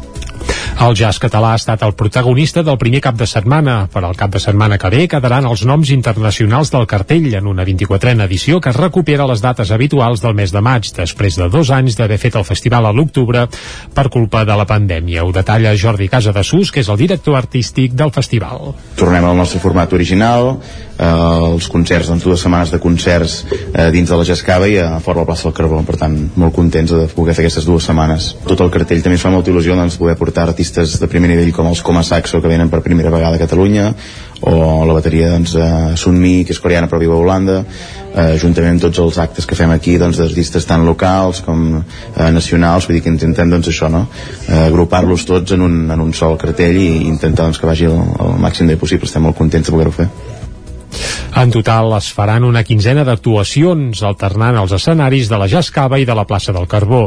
De les propostes d'aquest cap de setmana han destacat, a part del pianíssim de Jordina Millà, que va obrir el certamen, el concert d'Oriol Roca Trio i l'Incassiés, un concert del qual se n'enregistrarà bé, es va gravar en directe, se n'enregistrarà un disc i tothom que hi va eh, assistir, doncs d'aquí unes setmanes rebrà un disc en format vinil del concert deixant testimoni del que, del que va succeir a la Jascava la nit de dissabte. Diumenge també es va poder veure els millors festivals, una iniciativa per donar visibilitat a petits festivals de jazz com el de Vic, amb artistes emergents que hi fan gira. El cap de setmana que ve aterraran a la capital d'Osona les propostes internacionals del festival amb noms destacats del jazz europeu d'avantguarda. 14 minuts que passen de les 10, moment al territori 17 de conèixer la previsió del temps. Casa Terradellos us ofereix el temps. I com sempre la previsió del temps ens la porta en Pep Acosta, avui no des de Sant Feliu de Codines, ja ho hem dit, sinó una mica més lluny. Va, Pep, bon dia. Hola, molt bon dia. Molt bona hora. Avui la informació una mica especial. No estic a Sant Feliu, no estic a casa meva. Estic a Palomares de Río, molt a prop de Sevilla, i potser no estaré, mm, diguem, tan encertat com de costum. Però bueno, intentaré fer-ho eh, com sempre, eh, de vegades eh, no acabo de- d'estar de, fi del tot. Espero que avui sí que ho estigui. Primer de tot, eh, el, que sé, el que sé, el que sé és que he fet el cap de setmana, encara que no hi sigui, ho sé, perquè sempre intento mirar totes les notícies meteorològiques que passen a prop de casa nostra. I podem dir que hi va haver una tempesta diumenge a tarda, poca pluja, eh, jo em pensava que plouria més, vaig pronosticar més pluja, però va ploure poc. Uns 4-5 litres a tot estirar. I ens llevem avui amb unes temperatures força, força baixes, força baixes, uns 9-10 graus la majoria de, de, la, de, de temperatures, a les zones més fredes, per sobre dels 10 graus cap al prelitoral, i la majoria, la majoria, com deia, entre els 8, 10, 11 graus, una mica, una mica de fresca, encara que no molta. Les màximes al cap de setmana han voltat entre els 23 i 28 graus. I avui seran iguals, seran iguals. Farà força, força calor de cara al migdia.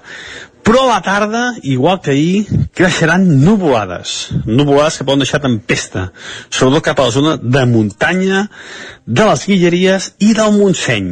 Precipitacions poc importants, uns 4 o 5 litres.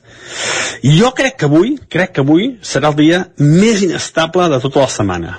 A partir de demà, eh, més sol i sobretot, atenció, més calor sobretot dimecres i jous apunta a més calor. Tot això ja ho aniré afinant, que demà ja, ja vinc cap aquí, i ja ho aniré, ho aniré afinant tot. Però avui això, avui encara alguna tempesta a la tarda, molt poc important, eh? Us dic, molt poc important. Mm, Jo m'esperava una mica més de pluja ahir, i avui me n'espero poca. No m'espero gaire, gaire pluja, ni, ni de bon tros. Les màximes molt semblants, entre els 23 i els 28 graus, temperatures molt suaus al migdia, com deia, i vents bastant febles, de direccions molt variables, vents febles. I això és tot. A disfrutar el dia d'avui, i ens tornem a saludar, tornem a escoltar demà. Moltes gràcies. Adeu. Ah, Pep, demà, demà des de Sant Feliu. Vinga, anem a l'entrevista. Som-hi. Casa Tarradellas us ha ofert aquest espai. Ara mateix passen dos minuts d'un quart d'onze, entrevista.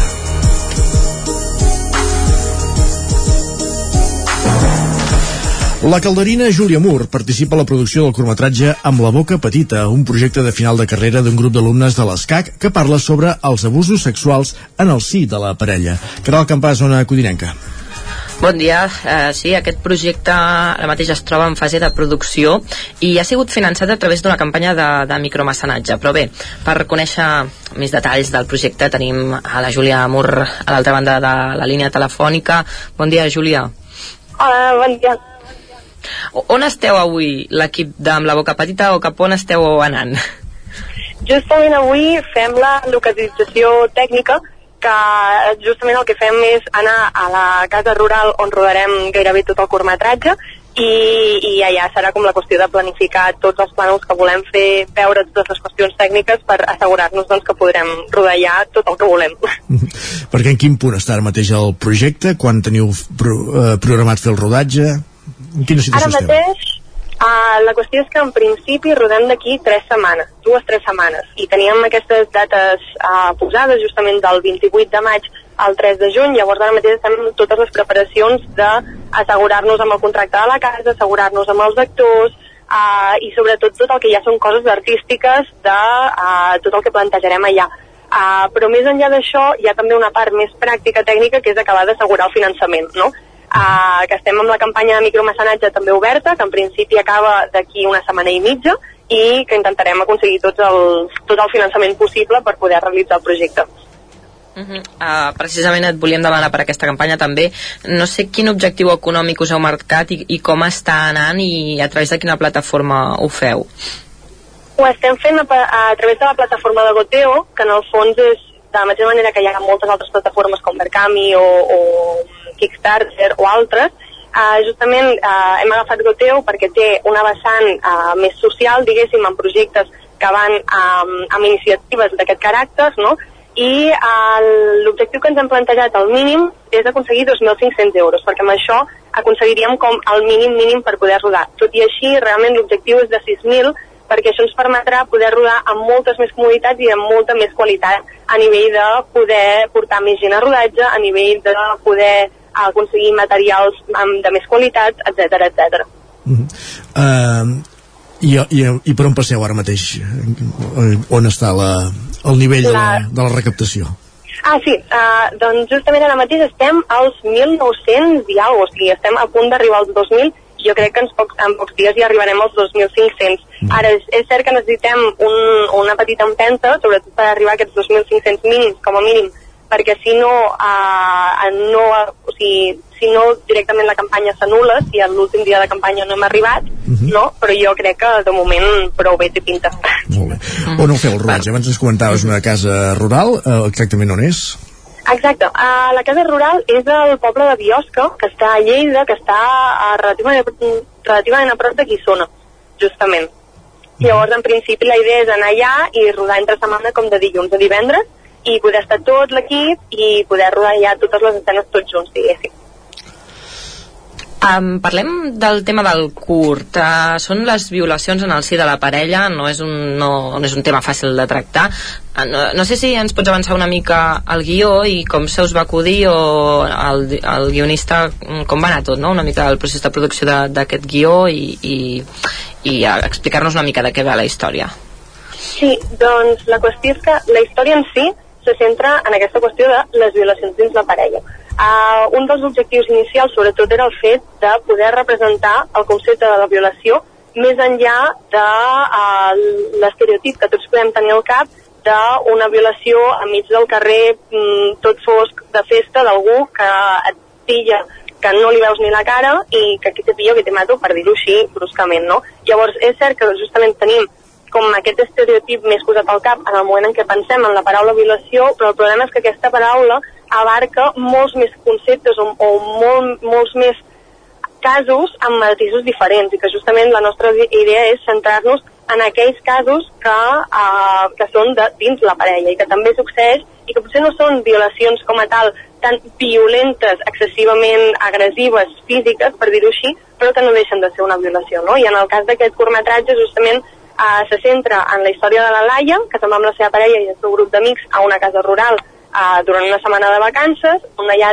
tot és perfecte, sense responsabilitats, tot idíl·lic gairebé com un paradís, i que després de la primera nit, que estan tots de festa i tot magnífic i superguai, i, i doncs beuen, s'emborratxen, tot plegat, uh, ell l'acompanya a l'habitació i assumeix que té dret a tenir relacions sexuals amb ella sense que ella pugui dir sí no, no? Llavors, justament, aquest, aquest acte sense un consentiment i sense un consens és una violació i no deixa de ser-ho. Llavors, eh, per nosaltres era important poder representar aquesta qüestió i, i poder ensenyar um, el que implica, no també per la Laia, en, sobretot en les hores posteriors, que és en el que nosaltres ens centrem en aquest curtmetratge. Uh -huh. Aquest curtmetratge, com dèiem, és el teu projecte de final de, de grau, conjunt amb altres companys. La resta de projectes on has participat també tracten temes socials?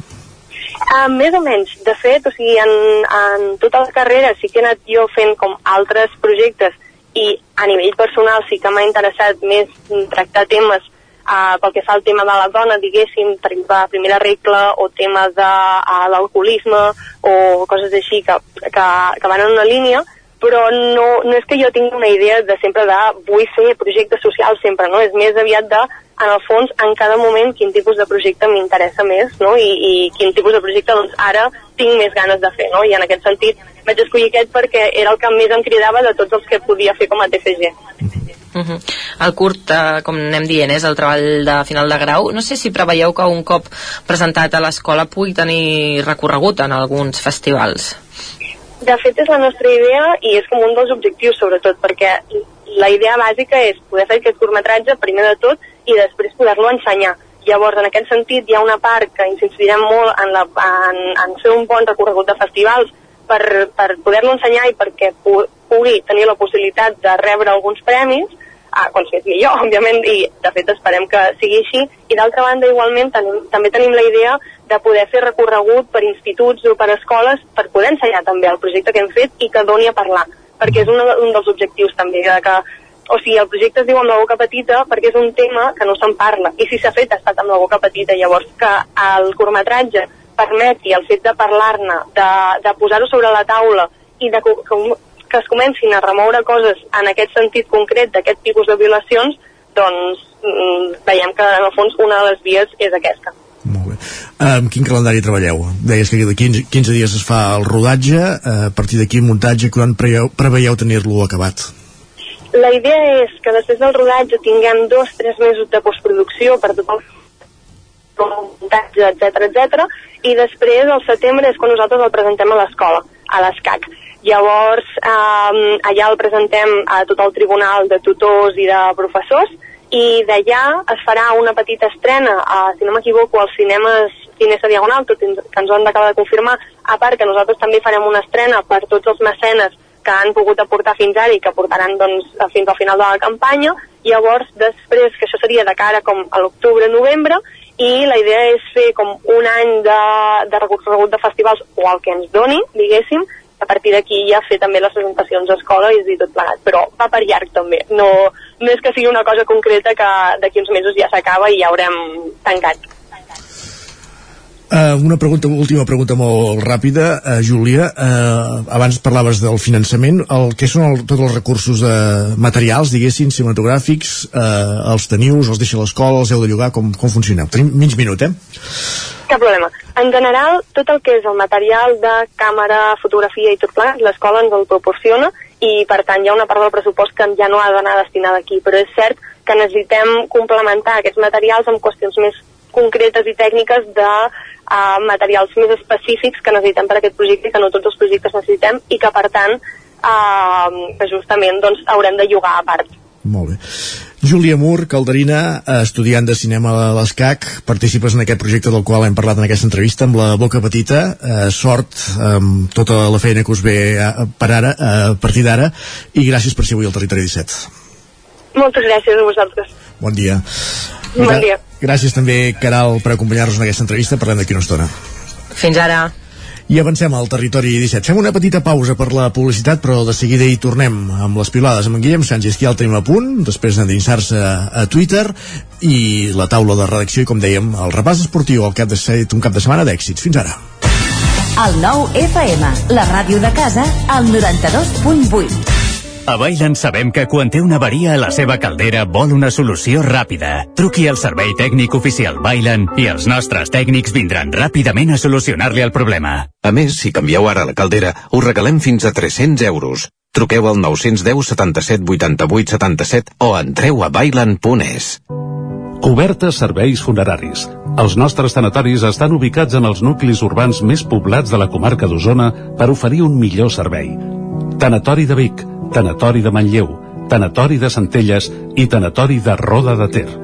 Sabem que són moments difícils i per això el nostre compromís és atendre-us en tot moment amb un tracte humà, sensible i respectuós. Cobertes serveis funeraris. Telèfon 24 hores 93 883 23 46. A El racó de León ja és primavera. Gaudeix de la nostra terrassa. Vine a tastar les xuletilles de lechal a la brasa amb una bona amanida o el xuletón de vedella gallega. No et pots perdre el nostre lechado de Castilla al forn o el cochinillo a l'estil de Segovia. Tot acompanyat del millor celler, al menjador o fora la terrassa. Descobreix la millor cuina de Lleó sense moure't de casa. Vine amb la família, els amics, la parella o sol. T'encantarà. El racó de León, cuina tradicional lleonesa i de mercat. Som al carrer Torelló número 35 de Vic. Per reserves, telèfon 93 889 1950. El racó de León, una cuina diferent. Has d'organitzar un esdeveniment? A l'Ineixat lloguem les cadires, taules, plats, coberts, rams de flors i tota la decoració necessària per preparar qualsevol esdeveniment. Vine a buscar material per a festes, casaments, celebracions culturals, espectacles, concerts o reunions d'empresa i de família. Ens pots venir a veure al passeig de la Generalitat número 52 Baixos de Vic, buscar-nos a les xarxes o trucar-nos al telèfon 670 38 96 25. Ah, i també ens trobaràs a Girona. A l'Ineixa tenim tot el que pots necessitar per fer-te la vida més fàcil. Cocodril Club. Si t'agrada la bona música dels anys 60, 70 i 80, escolta el 9 FM als matins de dissabtes i diumenges d'11 a 1. És el temps del Cocodril Club, tot un clàssic de la ràdio, amb les bases del pop-rock, les llegendes, les cançons que s'han convertit en autèntics himnes. Recorda, dissabtes i diumenges al matí, d'11 a 1, al 9 FM 92.8. Cocodril Club, el programa revival de l'Albert Malla. Hasta luego, cocodrilo. Anuncia't al 9 FM. La màquina de casa. 9 3 8 8 9 4 9 4 9. Publicitat arroba al 9fm.cat. Anuncia't al 9FM. La publicitat més eficaç. El 9 FM, el 9 FM, el 9 FM, el 9 FM. En punt dos quarts d'onze al territori 17.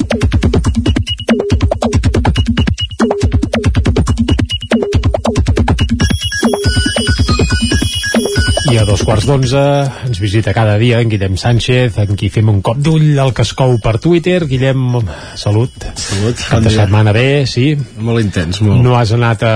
Com es deia aquell poble d'en Pep Acosta, eh? Allà Ah, del del Río. Río. No sé què No, del Río, eh? no, no. no, no has anat cap a Sevilla, diguem-ne. No, que jo sàpiga no. Que jo sàpiga no. O què vol dir que jo sàpiga? En teoria, eres conscient dels teus actes, O no. no? Durant el cap de setmana o hi ha hagut No algun sé, és, episodi... és un altre debat que no encetarem aquí. ara, pla, ara, pla, quins misteris. Uh, bé, doncs va, doncs anem a debats que sí que encetarem aquí, que són els que ens portes via Twitter. Va, Via. Twitter, com per exemple el que ens diu l'Anna, que jo crec que és la, la millor manera de començar la, la setmana, de començar el dilluns, diu és bonic saber que persones que només et coneixen de Twitter s'alegren de tot cor de com em trobo quan em veuen. Avui he tingut una bona conversa amb la mare. Doncs mira, mira que és fàcil i que es pot començar no, molt bé la no setmana. ens detalla de què anava la conversa, no, eh? no ens ho detalla. Mm. Ho podrem, podrem buscar, eh? Potser, no sé, alguna cosa que tenien Bé, bé, en comú doncs- d'algun altre tema que havíem parlat abans per, per Twitter. Estic a Palomares del Río, molt a prop de Sevilla.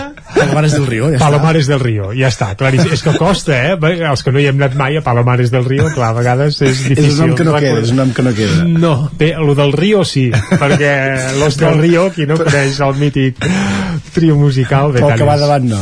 Uh, bé, Palomares. Palomares. Palomares. Tenim una companya, uh, Erika Palomares. Correcte. Doncs que vinga, va. si deu tenir alguna vinculació o no. Home, jo dic que no. eh, segur que si agafem el seu arbre genealògic, Ai, ai, ai. algun avantpassat, és possible que, entrant que el tingui citat. eh? Bé, va, deixem-ho, deixem-ho. Va, no sé si Vinga. vosaltres encara compartiu aquesta rutina d'aquest usuari que ens diu vull pensar que no sóc l'única que encara dorm amb nòrdic el dia 8 de maig. No és l'única. No és l'única? Home, i tant que no. És No? que clar, és que el territori 17 és molt llarg, però de la plana de Vic en amunt encara fa fresc les nits. Sí, Eh? encara està ju- justificat, eh? I tant, i tant. Va, un comentari que ha tingut un bon grapat de respostes, com la de la Laia, que ens diu jo ben bé fins després de Sant Joan no me'l trec, després ja és dormir malament fins al novembre, que toca posar-lo una altra vegada.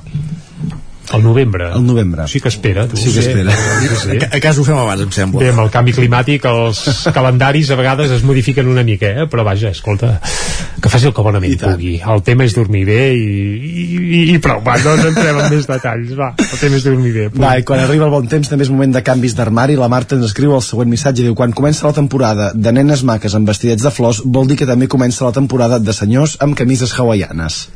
Teniu camises hawaianes vosaltres, no? Jo una camisa obriquesa però que només ens posem per per ocasions molt per ocasions especials. molt especials sí, sí. uh, un tuit que ha generat respostes com la d'aquest usuari que ens diu sempre penedit de no haver Ai, de ai, no haver-me ai, que comprat tornem a què està sentir Pep. Acosta, que ens A en vol entrar en Pep, eh? El tenim aquí des de Palomares del Palomares. Río. Palomares del Río, sí, sí. Doncs va, A aquest usuari que ens diu sempre penedit de no haver-me comprat aquella estampada amb tiquis, palmeres i tocants amb ulleres de sol. Això ja potser és una mica exagerat, eh? una, una camisa amb tots aquests elements. Però escolta, mai és tard, eh, Penedit de no haver no sé què, doncs tu, escolta, avui dia internàuticament es compra el que sigui gairebé. Va, i ara que vindrà l'estiu d'aquí a poc, tornaran els problemes relacionats amb la roba d'estiu. L'Antoni ens escriu entrar a casa a un quart de tres i adonar-te que des de dos quarts de vuit del matí que tens el banyador mullat al maleter del cotxe esperant que l'estenguis. Mm, doncs que les tingui, tu, escolta. Pot ser un problema, eh? Pot ser un problema, Sí? això. Dolors també i de Sí, sobretot dolors, salubritat. se sent la, la, la roba humida, se, sent, es fa sentir. I una confessió de la Blanca que ens diu m'acabo de comprar un banyador caríssim. No sé què vol dir un banyador caríssim. Doncs que val molts diners. Però, però quan estaríeu disposats a pagar per un banyador vosaltres? Ostres, que complicat que ens ho fas, eh? No jo, sé. 30 euros jo trobo excessiu. Uh, uh, Imagina't. uh, banyador, eh, home, que pel que d'allò jo eh, més de 20 no els hi veig, eh? que no estem per... Però jo, jo imagino que el caríssim deu anar bastant més amunt, no? Ah, segur que s'enfila potser més de 100 No ens deia el preu, no ens deia el preu, però jo sí, jo més de, de, de 15 euros. Mira, que no. normalment, deixa'm fer una equivalència, com menys matèria tèxtil té un banyador, més car acostuma a ser, que hauria de ser al revés, eh? Penso en els femenins, per exemple, que potser és el cas. Una cosa ben curiosa. No? No, no ho Sí, compartiu, sí, això, eh? segurament, Que acostuma a passar, eh? Sí, sí. Doncs va, tu, també una reflexió de, de Marc de dilluns, que no sé si compartiu vosaltres, diu inevitable pensar que amb inadaptats i la gossa o obrint pas de referents en comptes de tant xaranguisme i bon rotllet ens hauria anat millor aquests últims anys. A nivell musical no ho sé. No, no, no deu parlar a nivell musical, No. em sembla. Home, a nivell nacional, doncs bé, uh, hi ha el que hi ha, escolta.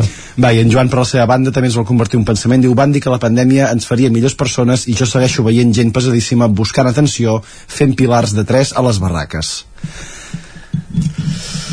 Però és que és molt bonic fer un pilar de 3 a les barraques, sobretot ara que es pot, escolta, durant dos Que anys segurament se n'han de contestar. de tres amb ser bones persones, Clar, eh, és no? que fer un pilar de 3 vol dir que ets mala persona. Eh, No sé, no, ho acabo sé. de pescar, això. No sé, no sé per què ho ha dit, en, en Joan, va. Deu per, ser que no, és de, no té falera Castellera. castellera, castellera això és evident. va, i per acabar aquí també demana atenció i ajuda l'Eva, que crec que aquesta pregunta no l'havien fet mai per Twitter, jo almenys no l'havia llegit mai, i ens diu he d'escriure un monòleg i m'he bloquejat. Em regaleu una frase d'arrencada? Diu, a canvi us deixaré llegir el monòleg.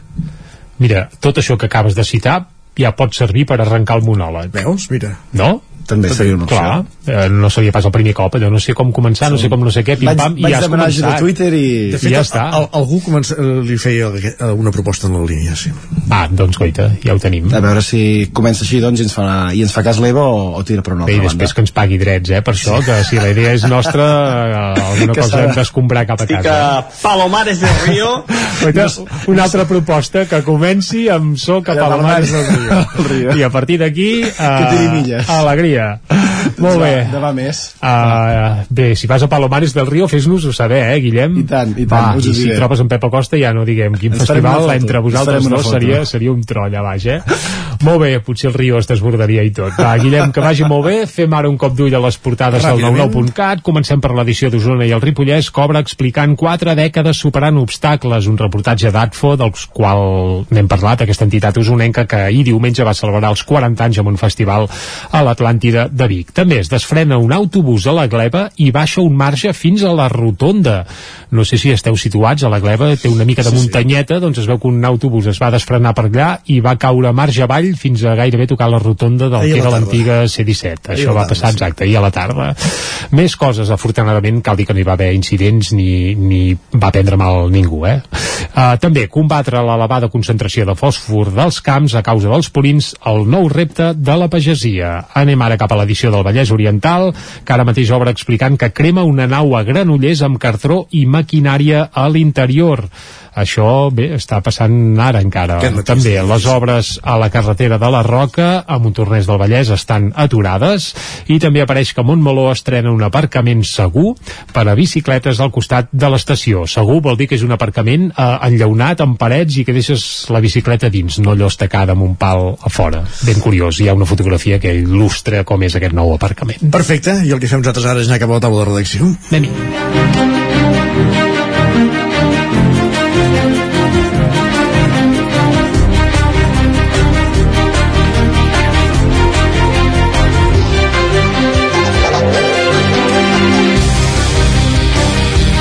I a la taula de redacció ens acompanyen avui en Guillem Freixa i en Miquel R. Comencem parlant de, de successos. Ara parlàvem d'aquest autocar que es va desfrenar ahir a, a la gleba, però el que parlem ara és d'un altre cas que, del qual ja vam fer-nos ressò la setmana passada, que és aquesta autocaravana incendiada a, a Vic, dijous al matí, però és que resulta que el presumpte piròman, el presumpte, la persona que presumptament va encendre aquesta caravana, abans havia comès algun robatori amb força a, la, a Vic mateix. Doncs eh, sí, molt bon dia. El dijous, eh, ho explicaves ara tu, Isaac, eh? eh molta gent que circulava per Vic doncs es va veure sorpresa per aquesta eh, gran columna de fum que es veia des de diversos punts elevats de la ciutat de Vic, diversos blocs de, de pisos. També la gent que circulava per aquesta avinguda dels països catalans en un aparcament proper al pont del Blanqueig a la zona del Sucre, on hi havia una caravana que s'havia convertit totalment en una bola de foc, eh, incendiada totalment, calcinada eh, de dalt a baix i també afectant els vehicles del costat, els diversos vehicles que estaven es estacionats al seu costat. La Guàrdia Urbana, els bombers, Mossos d'Esquadra es van desplaçar fins a aquest punt, van detectar una persona sospitosa d'estar per allà a prop d'aquesta autocaravana, va haver una petita persecució, se'l va acabar detenint un jove de 24 anys, veí de Barcelona, i segons la investigació dels eh, Mossos, aquesta persona hauria comès un robatori a l'interior de l'autocaravana i després hauria calat foc en el vehicle. Va quedar detingut per aquest eh, delicte, per, aquest, eh, per suposadament haver calat foc a, la caravana i també haver comès un robatori i en el transcurs de la investigació es va poder fer una connexió amb un altre succés, amb un altre fet que havia passat unes hores abans i era que a dos quarts de dues de la matinada resulta que un home que caminava pel carrer de la capital d'Osona doncs va ser aturat per una altra persona, aquesta persona va treure un ganivet ganivet i amb amenaces li va dir que li dongués eh, tot el que portava sobre, al final li va acabar eh, sostraient eh, la cartera, també el telèfon mòbil, dèiem això, eh, amb aquesta amenaça d'un ganivet. La policia catalana en la investigació eh, va aconseguir eh, connectar aquests dos fets amb aquesta persona, amb aquest eh, sospitós, per tant, eh, la persona que presumptament havia comès el robatori en l'autocaravana i havia calat foc, ara també se l'investiga per un altre delicte de robatori amb força. Com dèiem, aquest eh, incendi de l'autocaravana que la va calcinar totalment de, de dalt a baix i va arribar a afectar en major o menor mesura fins a 8 cotxes que estaven estacionats al seu entorn, per tant, déu nhi uh, l'enrenou i les, uh, els desperfectes que va provocar aquest, aquest fet i, com dèiem, unes hores abans hauria comès aquest segon delicte de robatori amb força en un dels carrers de la ciutat de Vic.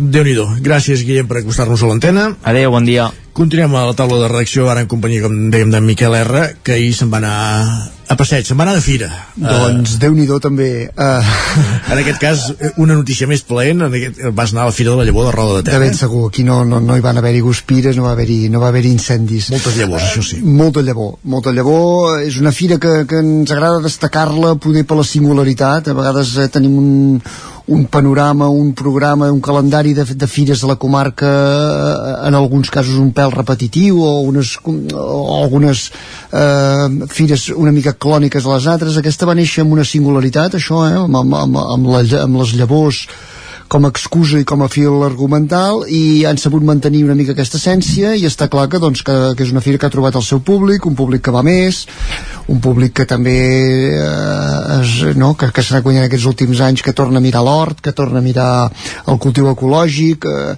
d'intentar aproximar aquests petits productors eh, amb el consumidor que vol fugir una mica de, de la compra aquesta tant de, de, de gran àrea comercial no? i per tant ha anat trobant el seu espai aquest any vivia la desena edició per tant ja són 10 anys per, per poder dir que, que està, està consolidada. L'any passat es va veure una edició eh, molt, molt d'impàs arran de la pandèmia. Encara ara sembla ho veiem molt lluny però encara amb circuits programats amb, amb mascaretes amb, amb, amb, amb desinfectant les mans de, dels visitants. Aquest any tornava la, a la plena a la seva plenitud i ho feia a més a més amb una novetat que segur que tant els firaires, els paradistes com els visitants eh, va agradar molt, que és, que és tallar la carretera, tallar eh, aquest tram de carretera, desviar el trànsit per dins del polígon del Puigvell, eh, segur que els conductors això no devia agradar tant perquè sí que el diumenge al matí hi ha molt tràfic eh, de, de, de gent que també puja cap al coll sa cabra. Havien de donar una mica aquesta petita amarrada per dins del poble. De fet no és una, és una mesura que, que s'aplicava aquest any en motiu d'aquest desè aniversari però eh, l'organització i l'Ajuntament volen valorar si, si això es mantindrà diguéssim, si ha arribat per, per quedar-se o bé ja dic que ha estat una mesura excepcional eh, tenint en compte que sí que suposa un enrenou logístic eh, i una complexitat afegida a la fira. Uh -huh. pel que fa la fira això, una trentena de, de parades, sempre ens diuen l'organització que, que, que hi ha més demanda de la que poden atendre perquè també volen ser molt curosos amb el tipus de, de parades que hi han eh, que, que vagin molt en la línia de la mateixa filosofia de la fira. I segurament que, que una de, de, dels, de les més destacades seria i també és veritat la que hi havia més cua des de primera hora del matí la que, la que planta cada any el banc de llavors un altre diguéssim dels fills d'aquesta fira eh? que, que va molt amb la línia de recuperar fa més de 10 anys l'Ajuntament es va proposar recuperar aquest entorn de la muntanyeta arran d'aquesta idea de plantar-hi de, de, de posar-hi al costat dels horts socials de plantar-hi d'allò van dir va eh, és un lloc ideal per fer-hi néixer també la fira i arran de la fira també va néixer aquest banc de llavors, també una, una entitat eh, única a la comarca que es dedica a recuperar eh, llavors tradicionals que estan desapareixent i tornar-ne a promoure el, el Conreu. Per tant, també era una de les, una de les parades obligades pels visitants de la fira. Mm, això, una fira que ha sabut combinar eh, l'apunt aquest més, de, més divertit, més lúdic, amb, també amb, amb una vessant més didàctica, amb xerrades, amb tertúlies, que, que, ho, fan, que ho fan molt, molt digerible de plegat. Molt bé, doncs Fira la Llavor Roda aquest diumenge que celebrau la desena edició. Gràcies, Miquel. Fins ara. Continuem al territori 17, moment ara de parlar d'esports.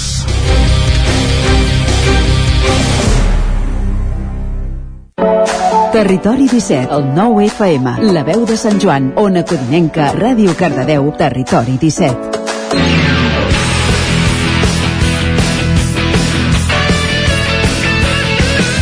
Clavem tres quarts d'onze al territori 17, moment de començar la roda esportiva per conèixer com ha anat eh, el cap de setmana esportivament parlant, amb diversos titulars, ja n'hem dit un parell abans, amb la victòria del Manlleu d'hoquei patins a la Copa de la Reina d'hoquei, però també hi ha altres titulars i divendres ja avançàvem que hi havia un compromís d'alt voltatge a la segona catalana de futbol entre el Caldes i el Cardedeu i, i ha donat un resultat, que és que el Caldes ja és nou equip de primera catalana. Parlem tot seguit amb la Caral Campàs abans, però parlem-ne des de l'òptica cardeuenca. Òscar Muñoz, bon dia. Bon dia. Què, doncs, doncs sí. bueno, el cap de setmana ha anat, ha anat bé, ha anat bé. O sigui, des d'aquí doncs, felicitar doncs, a Caldes i al Torelló que van sortir guanyadors d'aquesta segona catalana aquest cap de setmana uh -huh. des de la nostra part el Cardedeu doncs, sí, va perdre ahir diumenge al camp del Caldes per 3 gols a 0 a priori era un partit doncs, igualat, però el primer, el primer equip del Cardedeu doncs, ja s'ha com desmotivat en aquest tram final de Lliga i doncs, si t'enfrontes a un dels equips més igualats, més regulars de temporada, no, doncs eh, de no van tenir... S'enfrontaven al, al líder absolut i destacat, Exacte. eh? Uh -huh. Exacte, sí. Des de la jornada 10 que van primera, sí que, doncs això, el Caldes, doncs, molt bona temporada. Ara, el, doncs això, el Cardeu va perdre 3 a 0 i ara doncs, estan situats a la quarta posició de la segona catalana. Molt bé. A, a la tercera, a la tercera doncs, el filial de Cardedeu va, va fer els deures i va guanyar a casa per 3 gols a 1 contra el Lliçà de Vall. El, la primera part doncs, va acabar amb un 1 a 0, però ja la segona el Cardedeu faria els dos següents per posar el 3 a 0. El Lliçà el 67 despertaria i faria el 3 a 1 sense cap perill per l'equip cardedeuenc. En una jornada on hi ha bastants canvis a la tercera catalana, eh, el primer classificat, que el Sant Celoni va perdre i va perdre la primera posició a la Lliga. Ara va l'Atmella del Vallès, primer classificada, Sant Celoni i Cardedeu a la tercera posició. Molt bé. I a la mateixa, a la mateixa lliga el Llinàs eh, va perdre contra l'altre Lliçà, contra el Lliçà damunt, per 6 gols a 5. El partit doncs, més golejat d'aquesta jornada. 11 gols. Eh, exacte, sí. Al minut 65 el Llinàs anava perdent 4 a 1 i doncs això com els minuts finals com si fos les èpiques del Madrid no? al minut 89 el Llinàs faria l'empat a 5 i just, just al final el Lliçà damunt doncs, faria el 6 a 5 per doncs, acabar en aquest resultat tan avoltat no? el, aquest marcador. Així que doncs, el Llinàs es queda a les portes del descens, encara té un, un gruix de punts sobre els, els altres classificats, però això, està a les portes del descens, que vagin amb precaució. I acabem els esports aquí a aquesta zona amb l'handbol, eh, jugava al Franking i va guanyar dissabte contra l'Incarlopsa Conca per 36 a 35 també per la mínima, partit molt igualat i molt bona victòria per l'equip granollerí que recupera la segona posició a la Lliga a Sobal doncs bé, bon resultat com deies pel Granollers. Gràcies Òscar. Ah, exacte Vosaltres. Continuem aquest recorregut i ara sí anem cap a una codinenca amb la Caral Campàs, amb Alcaldes que ja és nou equip de primera catalana, ara sí, la primera catalana que serà emocionant la temporada vinent, amb equips com el Vic, el Manlleu, Alcaldes, el Granollers, i veurem si puja, si algú més acompanya alcaldes en aquest ascens, com pot ser el Torelló, pot ser el Cardedeu, en fi, ho anirem veient i bueno, també veurem si el Manlleu s'hi manté o acaba aconseguint l'ascens a tercera. Caral, com ha anat el, tot plegat, va? Doncs, com bé dius, tenim molt bones notícies, tot i que no em vull reiterar massa. Uh, com ja hem anat dient, uh, els calderins, l'equip de José Luis Duque, doncs s'ha assegurat l'ascens i el títol de campió de grup, han derrotat el Cardedeu per 3 gols a 0. Un partit que, comentar-vos, que va presenciar tant la regidora d'Esports com l'alcalde de Caldes i que a través de les seves xarxes socials també van fer notar molt la seva alegria. Um, I on no tenim tan bones notícies és a tercera. Uh, aquí el Mollà va caure golejat per 6 a 2 en la seva visita al camp de l'Olímpic La Garriga. Uh, un Mollà que no es va mostrar còmode i que els locals van aprofitar doncs, tots els errors que va cometre per, per marcar. Val a dir que represa els del Moianès van intentar retrallar distàncies al marcador fent el primer gol, però de seguida arribava el tercer de l'Olímpic i del minut 59 al 83 um, els del Vallès es van, en van posar 3 més. Per tant, eh, aquest eh, marcador que va atacar amb 6 a 2 i el partit del Castellterçol eh, que s'enfrontava al Ceba i era decisiu per certificar o no la seva salvació va acabar amb empat a dos, un duel força igualat, eh, que per tant ha acabat amb repartiment de punts, i el Castellterçol que segueix tercer per la cua amb 25 punts ara. I Alcaldes B no ho ha fet eh, tan, tan bé com també, valgui la redundància, com el primer equip. S'enfrontaven al Sant Feliu de Codines i van tancar el marcador amb un 1 a 3 i derrota d'Alcaldes B. Eh, un Sant Feliu de Codines que va sorprendre perquè venia de 6 derrotes consecutives eh, i bé, tot i que els calderins van començar marcant al minut 19, els codinencs van saber donar-li la volta al marcador la segona part i van trencar, com us deia així, la seva mala ratxa. Deuen la ser propera d'aquells que, jornada... anava, perdona, anava, deuen ser partits, partits d'aquells que motiven, no?, el fet d'aquestes rivalitats entre pobles veïns. Totalment, i veïns eh, literalment, i, i sí, sí, és una, una doncs històrica rivalitat que hi ha eh, i bé, que també es va fer notar al camp. I el que us volia dir que en la propera jornada, la número 30, els codinencs s'enfrontaran a casa contra el Ceba, el 12 classificat, eh, però bé, encara amb dos partits pendents per disputar, i per la seva banda el Caldes B jugarà contra un rival difícil, el Santa Eugènia de Berga, que és quart classificat amb 52 punts. I dit això, me'n vaig cap a l'hoquei, um, el Sant Feliu de Codines disputava l'últim partit de la fase regular de segona catalana, que va assolir un empat a 3 contra l'Espanyol, eh, un partit sense gaire res en joc, que va servir doncs, per repartir minuts pels jugadors menys habituals. Val a dir que va obrir el marcador Iepes pels codinencs, però els locals van capgirar el resultat abans del descans i a la represa l'Espanyol va estirar el resultat fins a 3 a 1, però bé, amb un bon final de partit de Servent i també Iepes altra vegada van fer aquest empat a 3 final. Llavors, amb aquest punt, el Sant Feliu acaba, tanca la Lliga amb 28 punts, novè, a l'espera doncs, de les novetats que es puguin produir a la plantilla. Doncs ho anirem seguint. Gràcies, Caral. Uh -huh. Gràcies. Fins ara. Anem cap al Ripollès. Isaac Montades, bon dia. Bon dia. No sé si aquí hi havia tanta emoció en joc o com ha anat la cosa. Mm, no, la veritat és que bé, hi ha equips que sí que s'hi juguen més, d'altres que s'hi juguen menys, però la cosa ha anat bastant malament, els resultats són molt, molt desastrosos en general.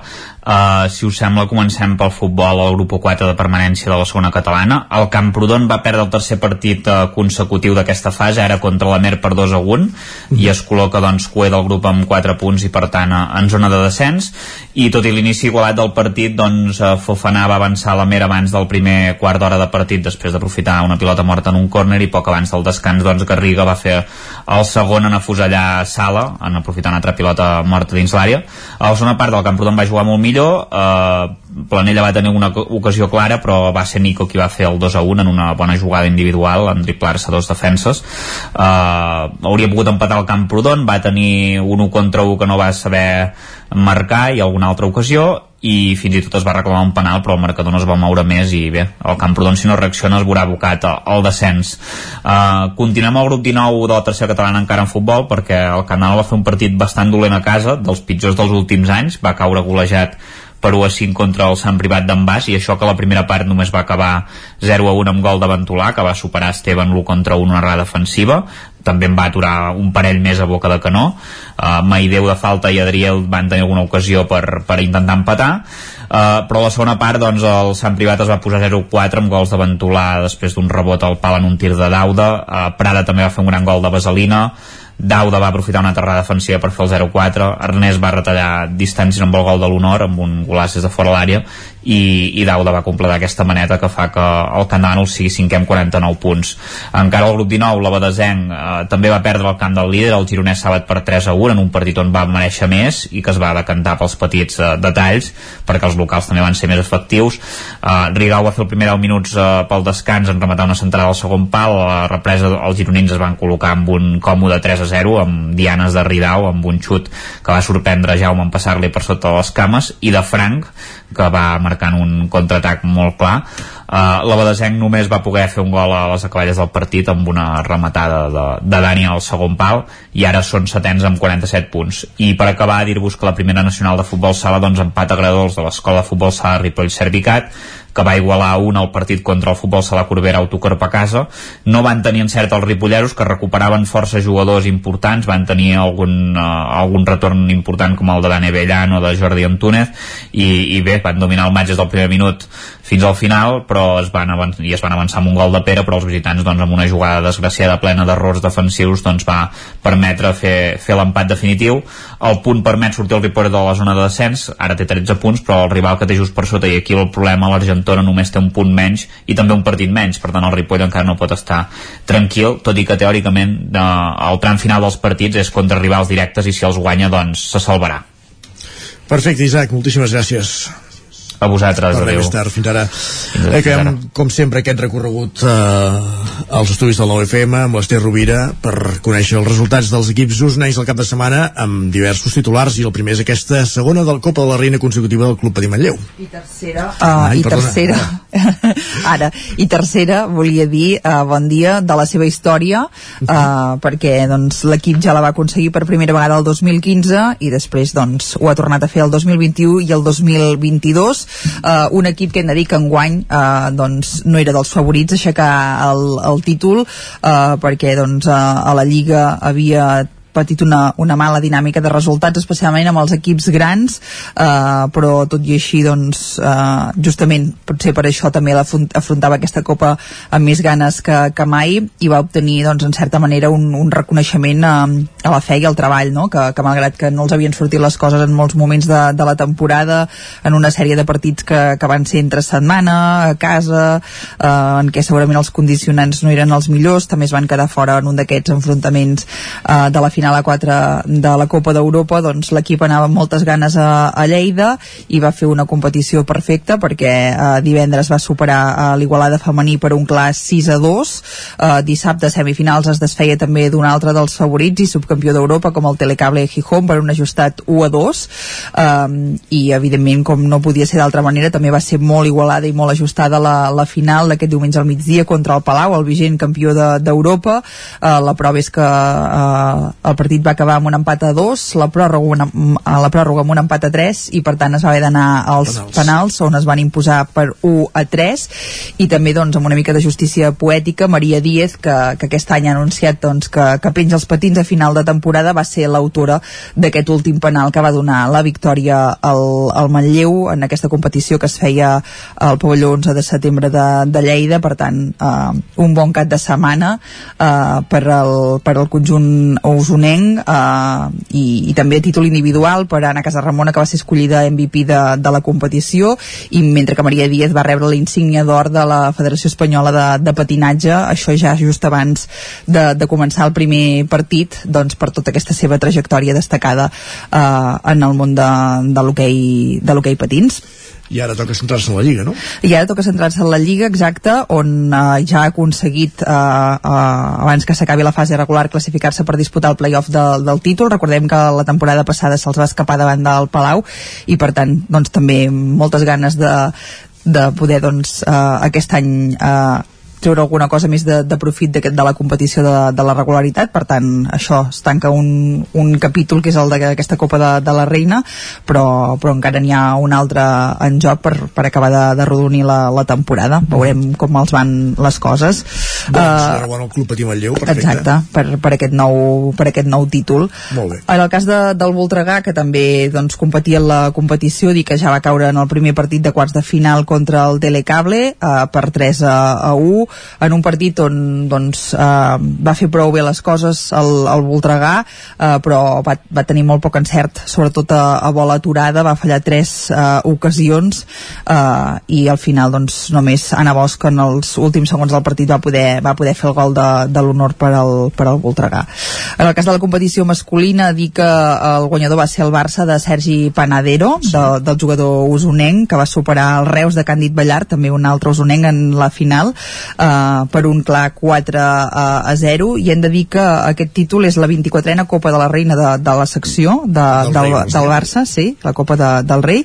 I en el cas de... sí, no, no, perquè de, de Copes en tenen moltes d'altres eh?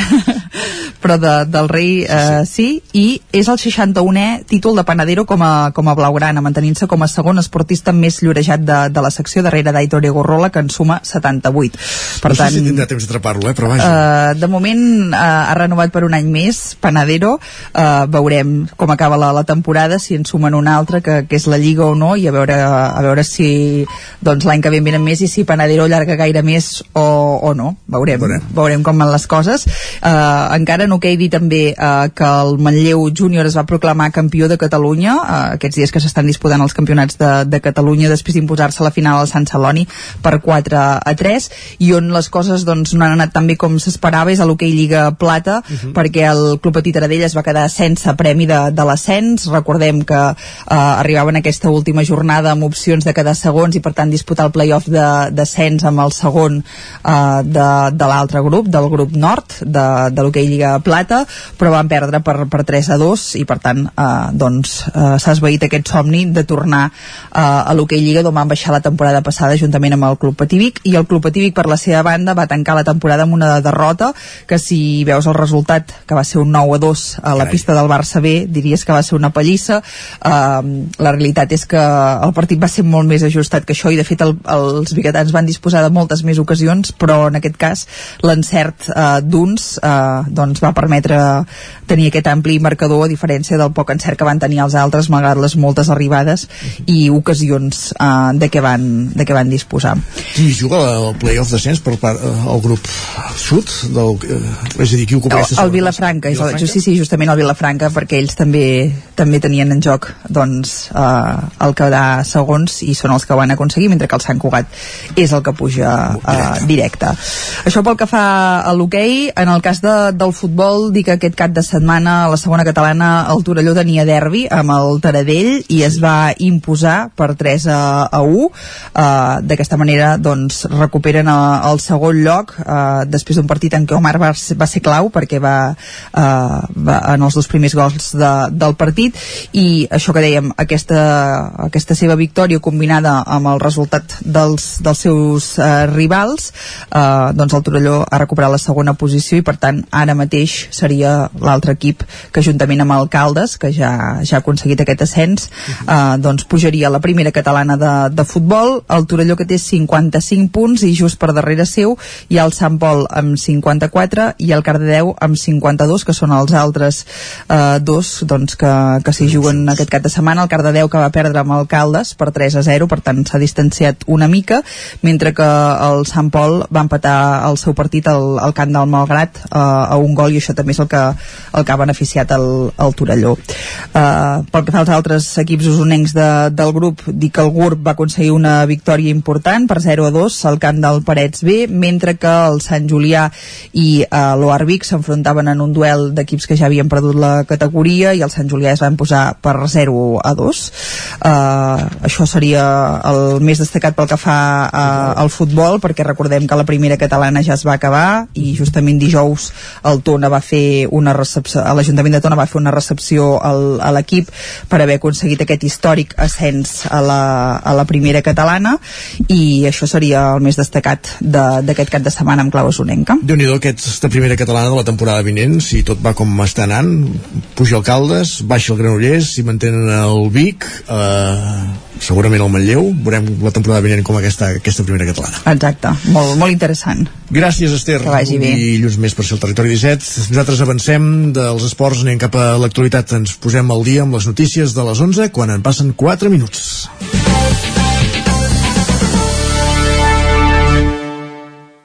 Territori 17 amb Isaac Moreno i Jordi Sunyer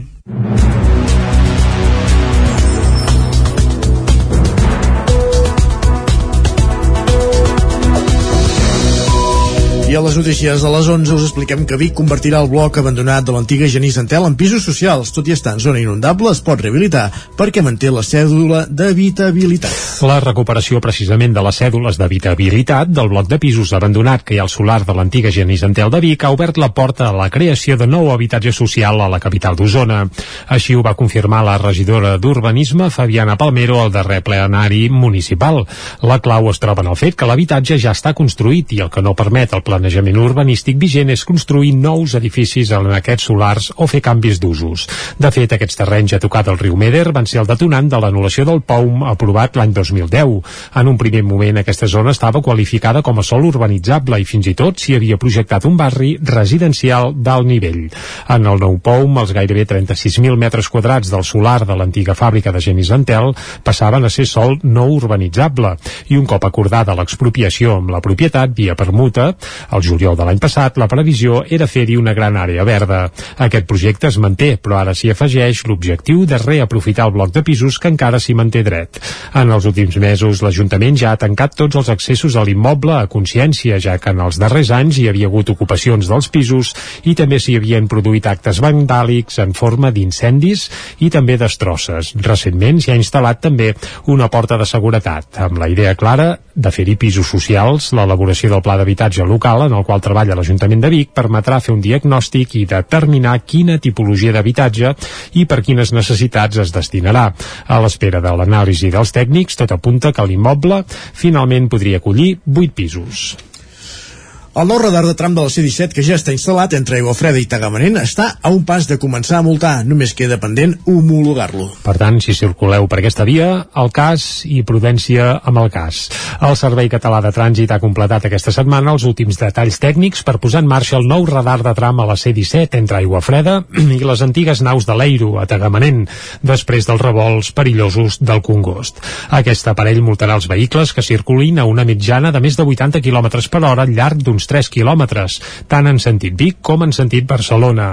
Segons informen des del Servei Català de Trànsit, superat el muntatge, ara ja només falta acabar-lo d'homologar, de manera que entrarà en servei properament. La previsió inicial era engegar-lo pel mes de març, però la crisi de matèries primeres va allargar i complicar la posada en funcionament d'aquest radar. A la C-17 actualment ja hi ha un altre radar de tram que està situat entre Lliçà i Parets del Vallès. A més a més, també n'hi ha tres de fixos, un en terme de Centelles i un altre altre a Ceba, a l'altura del Pinós. Pel que fa al que hi ha al túnel del Figaró, l'aparell està instal·lat al lateral de la carretera des de l'agost de l'any 2000, però no està en funcionament perquè falta acabar la connexió elèctrica i la de xarxa. El Servei Català de Trànsit recorda que abans de posar en marxa el cinemòmetre entre Aigua Freda i Tagamanent, és a dir, aquest radar de tram, s'informarà a la ciutadania, però que aquesta setmana s'hagin destapat ja els cartells fa que, que molts conductors ja circulin i redueixin la velocitat quan passen per aquest tram.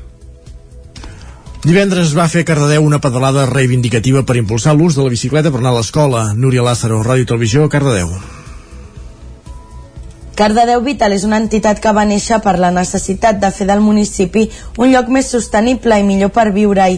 Entre els seus principals objectius hi és el de canviar la forma de mobilitat dels cardedeuencs, impulsant sobretot l'ús de la bicicleta en comptes d'altres mitjans de transport. És amb aquest motiu que el passat divendres a la tarda, juntament amb les AFES de les escoles de Cardedeu, van organitzar una pedalada reivindicativa a la plaça Joan Alzina, Maria Vidal de Cardedeu Vital. Eh, tenim ja una certa xarxa ciclable, però hi ha llocs on encara hi ha famílies que ens, ens arriba la queixa de que no poden passar bé i llocs com per exemple al voltant dels instituts Raspall i Sui eh, passarem, volem, reclamem també una connexió ciclable cap a la Guingueta i també la millora de seguretat de la cruïlla de Verge del Pilar amb carrer Llinàs. Abans d'iniciar la pedalada reivindicativa es va llegir un manifest denunciant com actualment Cardedeu no és un municipi pensat per poder-s'hi desplaçar en bici. A més de la pedalada al matí de divendres es va reprendre el bicibús, iniciativa perquè els infants vagin a l'escola amb bicicleta amb un recorregut organitzat en parades i horaris i acompanyats d'adults voluntaris. En la represa del bicibús es va estrenar una línia nova, fent així doncs que siguin més els cardedeuencs els que puguin sumar-se a bici a l'escola. Obrim pàgina cultural, Israel Clarà, amb només un 5% de visió, exposa 16 peces pictòriques de gran format que combinen la tècnica digital amb la impressió al llenç al Palau de l'Abadia de Sant Joan de les Abadesses. La de Sant Joan, Isaac Muntades. Des d'aquest dissabte fins al pròxim 5 de juny, el Palau de l'Abadia de Sant Joan de les Abadeses acollirà l'exposició de l'escriptor i traductor Israel Clarà i que està comissionada per la seva dona, la poeta i arquitecta Cristina Álvarez. Precisament, ella és la protagonista d'aquesta mostra en què s'hi podran veure 16 obres pictòriques de gran format que combinen la tècnica digital digital amb la impressió en llenç amb colors sòlids, ocres i terrosos i figures dibuixades d'un sol traç. L'autor ho explica així. Recreen gairebé totes figures femenines. D'alguna manera és també el somni, que recrea un somni de, de la dona, del centre de l'univers, posar la dona com a centre. És una mica... Fins i tot podria ser una pintura renaixentista, no en forma, sinó en concepte de posar l'ésser humà al centre del món, en el meu cas la dona, en aquest cas, i concretament la dona que m'estimo, una dona que forma part de la meva vida. És aquesta recreació. També la bebedora d'estels, la somiadora d'estels, sempre és ella i la seva poesia també, perquè la Cristina també és una poeta còsmica, també que li agrada molt la poesia rilkeana i la poesia de l'univers. L'exposició porta per títol Llunes de paper, el mateix nom que una de les obres escrites de Clarà, editada per Arola Edicions l'any passat. En certa manera, és un llibre catàleg que uneix els poemes amb els quadres. Clarà, que va estudiar filosofia a la Universitat de Barcelona, és autor de més de 80 obres entre poesia i novel·la escrites en català, castellà i italià. Ha traduït poetes del Renaixement com Dani Petrarca i va obtenir el tercer premi de poesia Torre de Piles. Aquesta és la seva primera incursió en la pintura, ja que tot i que havia pintat a l'oli fa molts anys, ho va haver de deixar per una pèrdua progressiva de la vista des de l'adolescència que l'ha deixat pràcticament invident per culpa d'una retinosi pigmentària, que només li permet tenir una visió del 5%. La seva dona el va incitar a reprendre l'afició i ara es dedica a pintar la poesia, els somnis o a la música. Clarà, que va pintar les obres durant el 2021, utilitza una tècnica particular per dur-ho a la pràctica. Hi ha programes de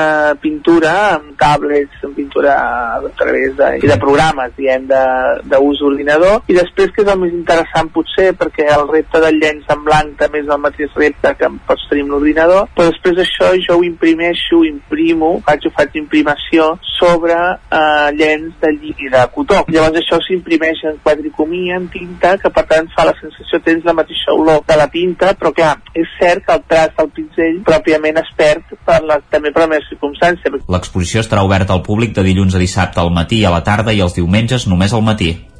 Esports. A la pàgina esportiva expliquem que el Manlleu d'hoquei patins, el, Club Patí, el Martinelli, el Club Patí Manlleu guanya la Copa de la Reina.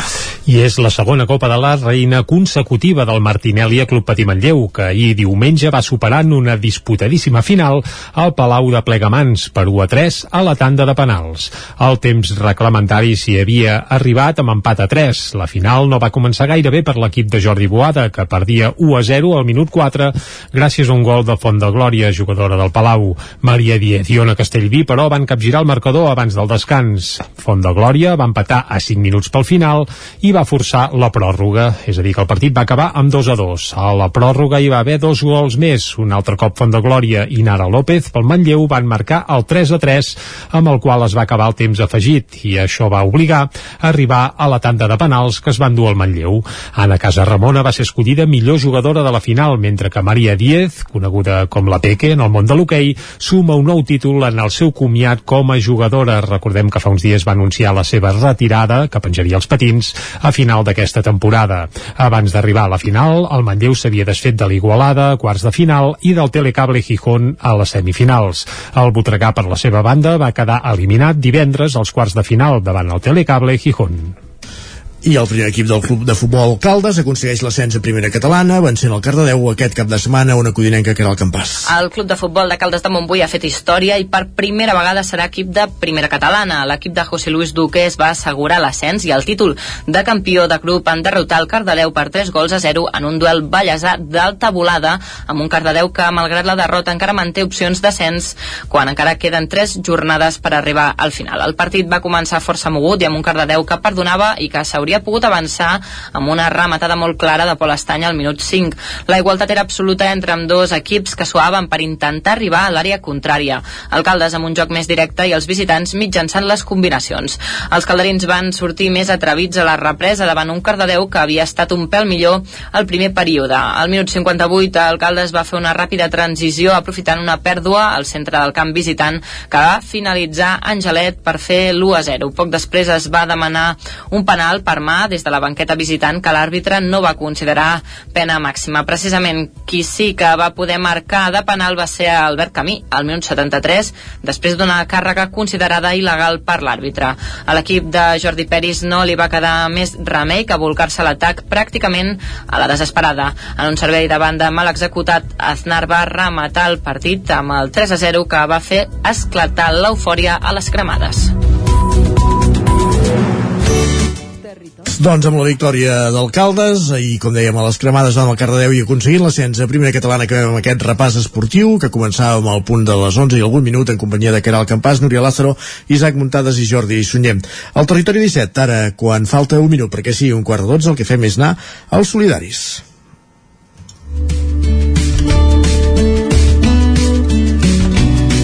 L'espai on cada setmana coneixem alguna entitat del tercer sector de les nostres comarques, des de Ràdio Vic, amb aquesta secció, amb l'Adrià Oliveres. Aquí ja saludem, Adrià, benvingut, bon dia de nou. Aquesta setmana ens allunyem de les associacions i ens centrem només en un sol projecte.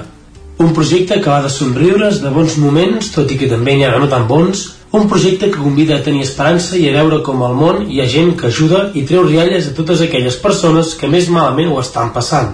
No porta molts anys en actiu i potser no és del tot conegut, però per això avui estic aquí, perquè vull que conegueu una mica més quin és l'origen d'aquest projecte, tot el que comporta participar-hi i quina organització porten. Així que avui, al programa Tots Colors, aquí a Radio Vic, parlarem amb la Montse Galobardes, la creadora del projecte de Parlant de Clowns. Molt bon dia a tothom, avui estem amb la Montse Galobardes, que és la creadora del projecte de Parlant de Clowns. Molt bon dia, Montse. Molt bon dia, gràcies per la trucada. I gràcies per, doncs, per estar aquí amb, amb nosaltres. La primera pregunta que li vull fer és sobre l'origen d'aquest projecte, no? Aviam que, si me'l pots explicar. Sí, mira, parlant de clowns, és, eh, diguéssim, el meu projecte és com el, el, el, el més bonic que he pogut crear, penso jo. Uh, jo soc pallassa, pallassa en general, professional, i també em vaig, vaig formar com a pallassa d'hospital. I estava vivint a Mèxic, amb els hospitals oncològics, anava a fer de voluntària i això. Quan vaig tornar a la meva ciutat natal, que és Vic, vaig, vaig començar a voler en, donar el, un temps a la setmana al voluntariat, no? Perquè jo, bueno, crec bastant amb el karma i penso que has de tornar una mica de lo que tens, no? I volia fer, volia anar amb els Pallapupes de Barcelona, que hi tinc, companys i de tot, però clar, havia de baixar a Barcelona. Llavors, l'Hospital de Santa Creu de Vic, que hi vaig tinguer-hi un tiet que, que es va morir de tot i vaig poder-hi estar i vaig veure pues, que m'agradava molt uh, la gent que hi treballava i com, i com ho feien i tot, vaig, vaig començar a presentar el projecte, que és començar a redactar papers i, i demostrar d'alguna manera que, que què pots fer, com ho pots fer i de quina manera, i començar reunions perquè em deixessin entrar a, a l'hospital. Aquest va ser l'origen. El que passa és que eh, sense voluntaris o voluntàries jo no puc fer res, jo sola no puc fer res. Necessitava també crear un grup on pogués començar a caminar amb voluntaris i voluntàries. I com és que, que, que vas anar a Mèxic? Ah, bueno, per, perquè la vida em va portar a viure dos anys allà per, per feina. Vaig marxar cap, a, cap allà dos anyets i vaig estar treballant en una escola i després pues, allà vaig continuar formant-me com a pallassa i com a pallassa d'hospital, però hi ha una associació molt gran que es diu Risoteràpia i que són 800 doctors del riure, i doctors i doctores del riure, que en diem, i allà realment em van ensenyar molt de, de, de tot el tema de, de voluntaris d'hospital. Com definiries el, el teu projecte? És el meu granet de sorra. És el, el projecte aquest que, que és és com el meu granet de sorra, és poder passar un rato eh, donant sense rebre seria, però és al revés, o sigui, al final és, és, un, és un voluntariat egoista, que dic jo, perquè t'endús cap a casa moltíssim, moltíssim, saps? Et fa dormir molt tranquil, perquè sí que és veritat que reps moltes, molt carinyo, moltes, molts efectes, saps? La gent et dona molt carinyo quan, quan vas en aquests llocs. En aquests moments estem anant a, a pal·liatius, diguéssim, a la primera planta del Santa Creu, i en, hem pogut, abans de la pandèmia, vam poder accedir a les tres plantes, inclús amb Alzheimer. Jo tinc un títol també del sentit de l'humor amb, amb demència, i, i la veritat és que, és que és molt maco. A vegades no és no és fer tant el pallasso, eh, que dic jo, la pallassa, perquè l'energia que hi poses no és l'energia d'un pallasso o una pallassa de carrer, perquè si no te'ls carregaries, no? Si no és, seria passar una mica de rato amb, amb, amb la gent que està allà i fer-los oblidar una miqueta a on estan. Clar, d'allà dintre, no?, per, per dir una manera, t'emportes somriures i moments que queden gravats a, a la retina, no? Sí, t'emportes de tot, et puc dir moltes experiències i, i moltes anècdotes. T'emportes de tot, coses també no tan bones, eh? Però tenim les nostres tàctiques per poder, d'alguna manera psicològicament, estar, estar en pau però a vegades hi ha xucutxos que dic jo una mica important però hi ha, hi ha anècdotes brutals jo, jo he, he, he vist somriure un nen amb paràlisi cerebral i això no, no, no té preu he acompanyat abans de sedar les filles amb una mare eh, és, és brutal o sigui, és brutal la capacitat que té aquest voluntariat eh, és brutal, com tots, eh? però regalar una mica del temps que tu tens a la setmana, crec que és molt important. Quines, quines activitats feu dins dins d'aquest projecte? Bueno, nosaltres anem a passar la tarda amb ells, no? O sigui, tenim, estem en contacte sobretot, sobretot amb, amb els infermers i infermeres de les plantes i els doctors i doctores, no? Perquè sense, sense nosaltres necessitem que ells ens diguin on és adequat entrar i si, si vol el pacient sempre, eh? Sempre. Si, si nosaltres eh, demanem permís per entrar, si ells ens diuen, mira, doncs amb aquesta persona està aquí, aneu a veure com està, a veure si la podeu animar i de tot, i nosaltres el que fem és passar el rato allà, o sigui, no, no improvisem d'alguna manera, entrem i, i juguem amb el que tenim no? Pues jo què sé, si està enxufat a diverses coses, pues entrem en plan si estan fent les proves per anar a la NASA, no? O alguna cosa d'així, juguem una mica amb el pacient a través del nas. Fem que s'oblidi per un segon a on que està on està. Aquestes són les, lo, que fem quan entrem a l'hospital. La idea és distreure, bàsicament. Si en aquest distreure eh, sorgeix el riure, el passar-ho bé i tal, és genial, però si no, és només distreure. A vegades hi ha gent que no té companyia en tota la setmana, perquè la família no pot, perquè tothom ha de treballar, per el que sigui, i eh, només treure el cap tenen moltes ganes d'explicar-te com feien les llenties. O sigui, és així d'absurd, però és que és veritat, no? De dir, vine, vine, que t'explicaré què faig. O, o guaita, aquí sóc jo, vivia aquí, no sé què. I els hi, els hi fa molta il·lusió explicar-los també part de la seva vida. I a vegades és tan fàcil com estar present allà. Vull dir que, que aquestes són, diguéssim, les activitats. Sí que també eh, anem a casals d'algun casal d'avi que m'han demanat, a alguna residència, hem estat a Cotolengo, Cotolengo no sé si saps què és, que, Mm, bueno, no, la veritat és que no. no, és, eh, bueno, és una associació a Barcelona de gent amb enfermetats amb pocs recursos. Val? I hi ha unes eh, monges que cuiden d'aquesta gent que fan una labor extraordinària. Jo sóc atea, però s'ha de reconèixer les labors extraordinàries de la gent i eh, elles tenen allà pues, una sèrie de gent. Aquesta gent a vegades venen cap aquí amb una, amb una residència que hi ha que venen a passar-hi uns dies a l'estiu. Llavors, quan venen cap aquí, pues, eh, hem anat algun cop allà a veure'ls, per exemple. A veure'ls i a passar el rato, a distreure'ls i, i a passar-ho una mica bé. Clar, el bo, el bo de tot això és que, doncs, per dir bueno, entre cometes, per dir d'una manera, o, o no, bueno, no sé com ben bé dir-ho, és que els, els, és el que has dit, els feu oblidar no, pues, el mal trago que estan passant o per tot el que estan passant és això que hi ha famílies que a vegades no poden i, i aquests nanos o aquestes persones es senten soles i vosaltres sou allà per recolzar-los i per fer-los doncs, oblidar aquest mal trago, no? per dir d'una manera Sí, i també per obrir una porta al sentit de l'humor en un moment en què no hi, no hi té cabuda, no? A vegades, tu diries, per exemple, si tu estàs, eh, pues si estàs a pal·liatiu, se t'està morint el pare, val? Uh, que tu tinguis allà sentit de l'humor o el facis riure, no té cabuda perquè és com, estic molt trist per fer això, no? Per provocar això, no, no, que moltes vegades ho passa pitjor el, el familiar que el pacient. El pacient a vegades ha acceptat ja el seu final i el familiar no l'ha acceptat. Llavors, eh, aquí, que a més a més hi posis sentit de l'humor i posis riure, és molt difícil. Uh, el nas vermell permet que això sigui més fàcil, perquè els dos, eh, o sigui, eh, el pacient i el familiar, no, no riuen d'ell, sinó de mi. Vale? I això és, això és el que provoca la màgia. És meravellós perquè que, si entro fent idiota, que se'm dona molt bé, no? jo i els meus companys ens dona molt bé fer l'idiota, si entrem i d'això se'n riuen de tu, no? I provoques riures i, i rialles i, i canvi d'energia sense que, que et traspassis res, saps? Uh, dones aquest, aquesta porta oberta a, a, a, a poder riure, no? Perquè al final s'està viu fins quan es mor. No? I l'única condició per morir és estar viu.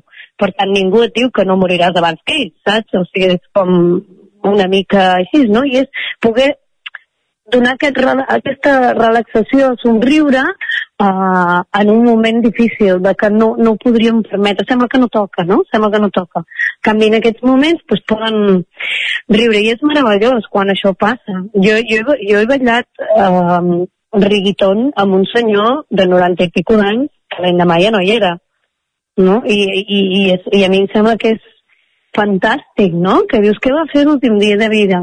Ballar reggaeton, no? Que guai, que guai, no? En comptes d'estar, pues, uh, tombat mm, queixant-se o el que sigui, no? Que a vegades també ha de passar, però que pugui, que donem, que oferim la possibilitat de que això passi. No sempre passa, eh? Però que oferim la possibilitat de que això pugui passar. I crec que això és, és fantàstic. Jo per això dic que és una de les millors coses que he fet en aquesta vida, en aquest projecte. El que passa que necessito de voluntaris i voluntàries i no és fàcil tampoc aconseguir gent tinc un gent meravellosa al grup de Parlant de Clowns, tinc gent que és una passada. Ara, de tota manera, només podem entrar poquets i vacunats. Ara, ara que parles doncs, del, dels voluntaris, quantes persones eh, formen el, el projecte? Mira, de, no, de normal, ara estàvem uns entre 15 i 20 persones. Estàvem entre 15 i 20 que fèiem rotacions per poder-hi anar tots i, i així ningú, ningú estava cansat o ningú feia de més. Però, clar, amb la pandèmia la cosa ha canviat. I doncs amb la pandèmia com, com us organitzeu, per dir una manera? Ara només podem entrar, de moment, tots els que estem vacunats, que, que o sigui, no podem entrar tots, sinó els que estem vacunats i els que volen no poden. També hi ha gent que amb aquesta pandèmia ha agafat més pors. Doncs fins aquí l'entrevista, moltes gràcies pel, pel temps que ens has donat i per doncs, haver conegut una mica més el, el teu projecte i espero doncs, que durant molts anys pugue, pugueu seguir el, el, el projecte i, i tu també, Montse, doncs, donant somriures i regalant bons moments per a aquella gent que, que ho està passant tan malament.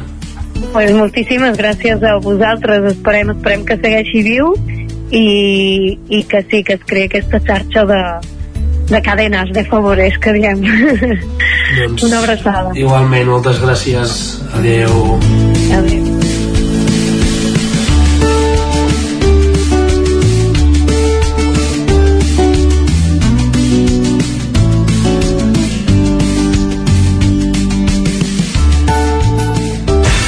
El nou FM, la ràdio de casa, al 92.8. Aquest mes de maig viu la cultura i la literatura a Folgueroles, al poble natal de Verdaguer. Del 13 de maig al 12 de juny, la Festa Verdaguer et porta conferències, rutes literàries, xerrades, concerts i actes populars d'homenatge al poeta. No et perdis Arnau Tordera amb el juglar a l'església de Folgueroles, la primera mostra de glosa o el tradicional arbre de maig i els ballets i danses tradicionals. Consulta tots els actes a verdaguer.cat. El racó de León ja és primavera. Gaudeix de la nostra terrassa. Vine a tastar les xuletilles de l'Echal a la brasa amb una bona amanida o el xuletón de vedella gallega. No et pots perdre el nostre lechado de Castilla al forn o el cochinillo a l'estil de Segovia. Tot acompanyat del millor celler, al menjador o fora la terrassa. Descobreix la millor cuina de Lleó sense moure't de casa. Vine amb la família, els amics, la parella o sol. T'encantarà. El racó de León, cuina tradicional lleonesa i de mercat. Som al carrer Torelló número 35 de Vic. Per reserves, telèfon 93 889 1950. El racó de León, una cuina diferent. A la Clínica Dental Sant Fortià hi trobareu un equip professional que treballa de manera coordinada per oferir un tracte sensible i humà. Estem preparats per qualsevol urgència dental i oferim accions preventives per la tercera edat i els infants. El doctor Ramon Garcia, implantòleg de Barcelona, fa 10 anys que visita Torelló. Clínica Dental Sant Fortià. Ens trobareu a la plaça Sant Fortià número 9 de Torelló al 93 859 6408 i al 690 92 51 99. Arriba la primavera i tornen les samarretes. A Gràfic Cert tenim una extensa varietat de samarretes per vestir el teu personal, promocionar la teva empresa, club esportiu, associació... Si estàs organitzant un esdeveniment esportiu o una festa cultural, una samarreta és una bona opció per lluir la teva marca. Ja ho saps, si el que necessites per la teva promoció és una samarreta, Gràfic Cert és el teu proveïdor. I ara també tenim a la teva disposició samarretes 100% reciclades tant de cotó com de polièster. No esperis més i truca'ns al 93 886 12 15 o visita'ns a graficcert.com. Cocodril Club. Si t'agrada la bona música dels anys 60, 70 i 80, escolta el 9 FM els matins de dissabtes i diumenges d'11 a 1. És el temps del Cocodril Club, tot un clàssic de la ràdio, amb les bases del pop-rock, les llegendes, les cançons que s'han convertit en autèntics himnes. Recorda, dissabtes i diumenges al matí, d'11 a 1, al 9 FM 92.8. Cocodril Club, el programa revival de l'Albert Malla. Hasta luego, cocodrilo. El 9 FM. Territori 17. A Tren d'Alba. Cada dia els usuaris de la línia R3 de Rodalies que veuen sortir el sol des d'un vagó ens expliquen les gràcies i les penes del primer comboi que uneix Ripoll i Barcelona. Benvinguts a Tren d'Alba. La usuària de la línia R3 i regidora a l'Ajuntament de Sant Joan de les Abadeses, Laia Capdevila, resumien una piulada les dificultats que tenia per arribar a Barcelona a treballar després de la supressió del tren bala pel Ripollès. La setmana passada deia que per arribar a la feina havia d'agafar el cotxe, l'autobús, la bicicleta i el tren. I aquesta setmana deia que miraria de fer un tros en caiac pel riu Ter si podia. Esperem que no, que ara ja fa més calor, però hauria de baixar per alguna petita presa i no voldríem que es fes mal. Va, escoltem la crònica d'en Jordi Valls del viatge d'avui. Bon dia, sóc en Jordi de Centelles. Avui el tren que passa per Centelles a les 6.07 cap a Barcelona ha arribat puntual. Sí, jo crec que entre un minutet, dos minutets, zero minutets, no ho sabem ben bé, això mai se sap si és del tot puntual, però molt bé, molt bé. Avui el tema de conversa és la primavera, l'adolescència i, oh, regalem o lloguem canalla.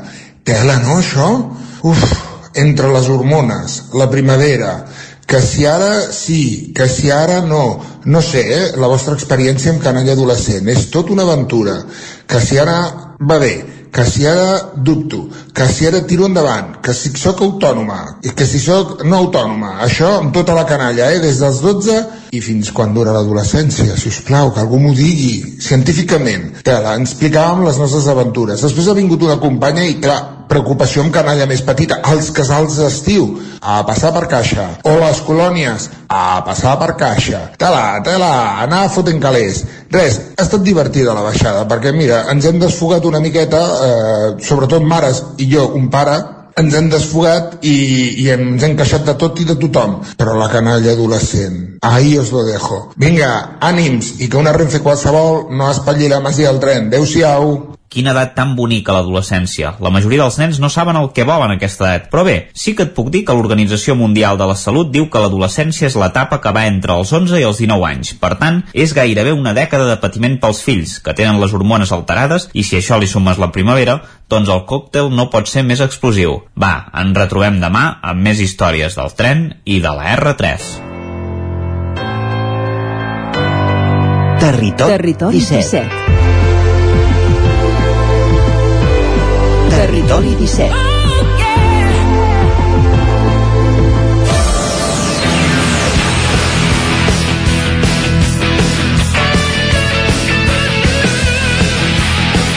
Dos quarts de 12 i 3 minuts, arrenquem la tertúlia esportiva al Territori 17, l'última secció, tanquem el programa amb la traca final, i avui en companyia de l'Agustí Danés, benvingut. Lluís de Planell, benvinguts. Quan es posin els auriculars i m'escoltin, podran saludar. Bon dia, benvinguts tots dos. I també Isaac Muntades. Bon dia. Bon dia. De què hem de parlar? Hem de parlar dels resultats de la Lliga del cap de setmana. El Barça va guanyar el Betis 2-1, l'Espanyol va empatar amb l'Ossassuna 1-1 i el Madrid va perdre amb l'Atlètic de Madrid 0-1. a 0. De fet, eh, en Lluís i jo estàvem aquí eh, sense els cascos i no parlàvem pas de la jornada d'ahir, parlàvem encara de la Champions És perquè, que no, dir, perquè és- és perquè que- no, no ens hem refet. Jo li deia que no, que no m'he pas refet, estic malalt, des de dimecres que estic malalt. Agafa la baixa, Agustí, vés a casa uns dies, reposa, uh, perquè després l'haurà de tornar a agafar quan el Madrid guanyi la Champions. No, és que ara li deia que només jo només veig ja una, una teràpia, només. El diagnòstic ja està fet, que és que això és un miracle darrere l'altre, això del Madrid. Però jo l'única solució que hi veig, i és el que li comentava ara amb en Lluís, no sé si s'ha acabat sentint per, per la ràdio, No, perquè no ho estàvem sentit. comentant aquí amb el, amb el, amb el micro. Jo l'única solució que hi veig és que no que el Madrid perdi la final, no n'hi hauria prou que perdés, sinó que el golegin. Per esborrar-ho tot, ha de perdre de molt, de dir, és allò que es comenta aquests dies, ha de ser que París sigui l'Atenes del Barça, o sigui, el Barça que el Dream Team es va acabar amb aquell 4-0 incontestable contra el Milan de Capello, doncs que el Liverpool de Klopp eh, esborri el Madrid del mapa i de passada que esborri eh, to tota aquesta història d'aquestes tres eliminatòries perquè si no els altres ens posarem tots malalts perquè, perquè tants miracles no, no pot ser però només hi veig aquesta solució, no n'hi veig cap altra eh? perquè realment ara és això està en un punt que, que sí, clar, que el Madrid eh, li falta un partit només eh? Sí, sí, sí, ja, ho- ja ho ha fet tot aquesta temporada. és que No com d'altres. tot i, tot i més, perquè és que és increïble, eh? és que no hi ha paraules, no? Sí, home, aviam, estem en un bon moment de... hem guanyat la Lliga, vam guanyar la Supercopa en el seu moment, també. Uh, clar, en aquests partits el Madrid ara s'està dedicant a descansar uh, i el derbi jo crec que no li importava ni als mateixos jugadors que est estaven rient a la segona part a la, a la banqueta. Sense fotos. perquè és que sí, sí, és que era un partit transcendent totalment, perquè van jugar pues, em sembla que hi havia vuit titulars que no, que no van que no van sortir de, a l'11 titular de cara doncs, a, no, a, no, a descansar però a descansar activament perquè evidentment han de jugar uh, alguns partits per també tenir ritme de competició. El Liverpool el tindrà aquest ritme competitiu perquè s'està jugant la Premier League aquest cap de setmana s'ha de dir que la va perdre una mica perquè va empatar el seu partit i el City no, el City sí que va guanyar i ara està a 3 punts i, i suposo que el Liverpool estarà competitiu fins aquell dia però bé, el Madrid aquesta setmana té dos partits de Lliga com, tot, com els altres equips que també hauran de, de, de guanyar-los no? per alguns hauran d'intentar eh, quedar en segon lloc per anar a Supercopa que suposo que és l'objectiu mínim que s'exigeix en, en alguns dels equips que, que hi ha com el, com el Barça fins i tot aquí s'hi podria ficar el Sevilla l'Atlètic de Madrid que podrien lluitar-hi i bé, el Madrid a descansar, a descansar fins al 28 de maig, no? Una mica i, i després guanyar i, i tenir la catorzena i, i posar-ne una més d'avantatge amb, el, amb el Barça i ja en seran 11 jo, jo, entenc, jo entenc que eh, les circumstàncies són les que manen i que el Madrid ja ha guanyat la Lliga per tant eh, és normal que inclús com a premi als jugadors que han, que han tingut menys minuts durant la, la temporada és normal que, que en, en, juguin amb menys intensitat i, i que donin i, menys importància a una derrota. Ara bé, eh, a mi el que m'atabala d'aquestes coses és la incidència que té per altres equips perquè l'Atlètic de Madrid es, es va veure favorit per un Madrid que no li interessava el partit i llavors d'aquesta manera té més opcions d'anar a la Champions la temporada vinent que no pas tindria si el Madrid eh, si ho hagués fet i, i potser ho hagués guanyat vull dir que en un, aquests tres punts a l'Atlètic de Madrid li van de perles però de no tenir-los eh, podien haver eh, el podien haver decantat a la, a la cinquena posició final, de, mm. eh, final del campionat. Això passa sempre i igual de dramàtic és amb, el, amb els de la zona baixa no? que igual eh, es pot donar que no sé quin és el calendari però es pot donar el cas que el calendari el dimarts o dimecres ja llevant eh, això, Madrid llevant. Doncs això, un partit que sobre el paper diguem el llevant amb aquests tres punts no hauria de comptar-hi. Bueno, amb aquestes circumstàncies igual pot tenir alguna opció més perquè el Llevant de fet li va a la categoria també no? Exacte, que, exacte. per això són circumstàncies que es donen però, clar, que... però si el Llevant se salva eh, sí, si el Llevant se salva vol dir que algun altre baixa Sí, és clar, és clar. Que, clar, vull dir que... I, i però si el Llevant altre... perd, baixa, eh? Em sembla ja. Si perd aquesta però, setmana, baixa. Lluís, ja. amb això, que tens raó, però, però això sí que jo aquí no, diem, això no és culpa de ningú, ni, ni hi ha solució per, per aquest tema, no? Sí, suposo que vull no. dir que no, amb això no hi, ha, no hi ha res a dir, vull dir, mm, això és així. També si el, no sé, si posem pel cas el, el Barça, doncs, eh, a la segona posició fos més còmode i tampoc ja no s'hi jugués res, doncs també es podia donar aquest fet, no? De dir, bueno, el Barça queden dos partits i ja ho té tot fet i et toca jugar contra, no sé, contra l'Alaves i també et deixes anar una mica, no? De fet, amb altres temporades també ha passat això, no? O els equips aquests de la zona mitja, no? Bueno, no sé, a l'Espanyol li falta encara un, li deu faltar un punt o dos punts per salvar-se matemàticament, tot i que està salvat, no? Però matemàticament no, li seria un cas similar, no? Que l'Espanyol tampoc té cap mena, o l'Ossassuna, no? El partit d'ahir, no? L'Espanyol si fa un punt amb tres partits en té prou. Doncs ja està, però, no? però, però, esclar, no, no, i a partir de que el faci, a partir de que estigui salvat matemàticament i ja no li vagi res, potser anirà eh, l'últim dia, eh, dimecres, jugar a l'Aves, que és clar, aquest partit per l'Alavés és importantíssim perquè si Sí, perd ja, ja ja, és a baix Sí, Mate- sí. matemàticament ja és a baix Sí, sí. eh, i llavors, esclar, la intensitat dels uns i dels altres també serà diferent però esclar, l'últim partit l'Espanyol va a Granada i també pot ser que se estigui jugant amb el. Mallorca per, el, llut- eh, per el, el, tercer lloc de, de, de, de perdre la categoria i llavors, esclar, totes aquestes coses ja ho sé que, que, que això són les circumstàncies i que s'hi ha de Sí, comptar i és així. Vull dir que jo amb això sí que no... no que a vegades discutim altres temes de dir, home, això, tal, i, i pot haver una intencionalitat, però aquí, al final, jo crec que els jugadors, quan, quan, quan juguen, tots els equips volen guanyar. Però és veritat que hi ha un tema de bueno, d'això d'intensitat, d'interès, vull dir que els del Madrid ahir segur que també volien guanyar però bueno, és una altra jugues d'una altra manera vull dir, jo l'Atlètic de Madrid sí que li anava tot i llavors el que gairebé és curiós és que al Madrid no li pitin mai penals i que ahir li pitin, no? ahir que ja, Que no no, era, que, segurament, que, que no? ja no serveix curiós això, no? Ahir que, ja, que és igual, no?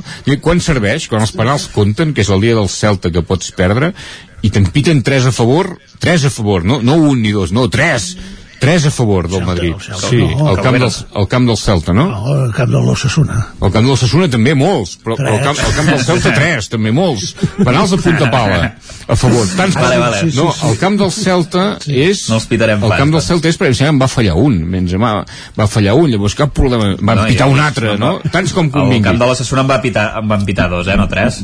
No, No, no, tres, No, 3 al camp del Celta. en, en Benzema en va fallar Sí. dos, no? I, I en va marcar un.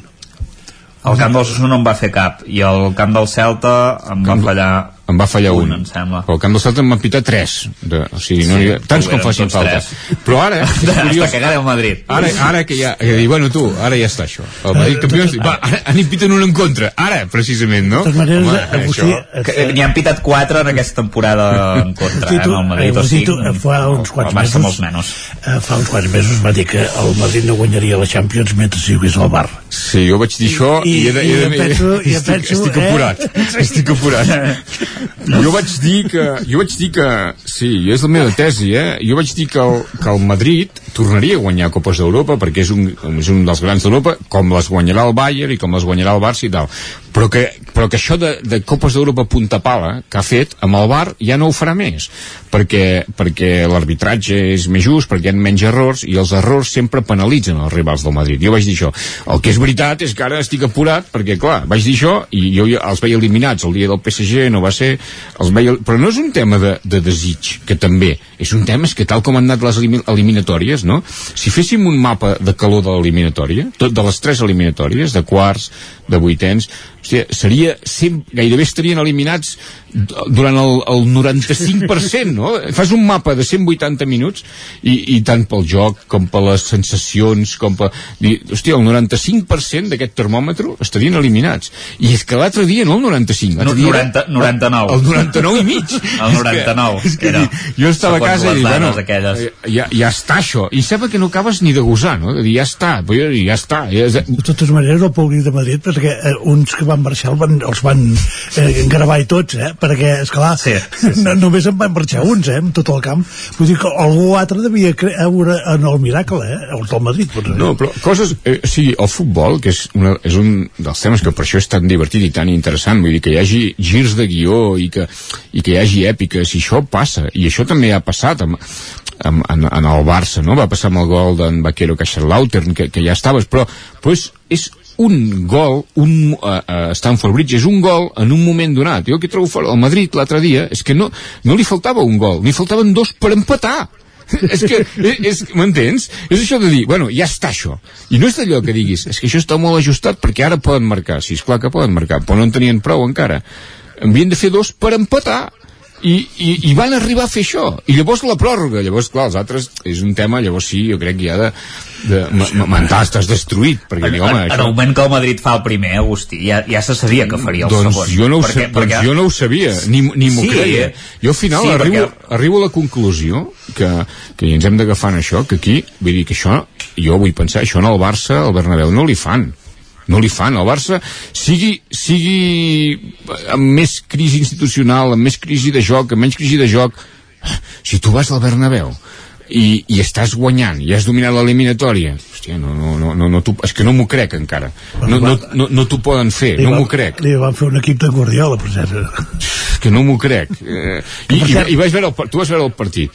En, en Bernardo Silva va ser un escàndol el, van tenir el 0-2 aquell que van fitxar de l'Aston Villa per 100 milions va tenir el 0-2 si ja estava això. I com, i com pot ser? va administrar bé els canvis perquè diu, hem de fer aquest canvi. Va, va posar en Fernandinho allà al mig del camp. Va fer sortir en Gundogan i tindrem més la pilota. Tot, si això segueix el manual de l'entrenador i s'ha de fer tot això.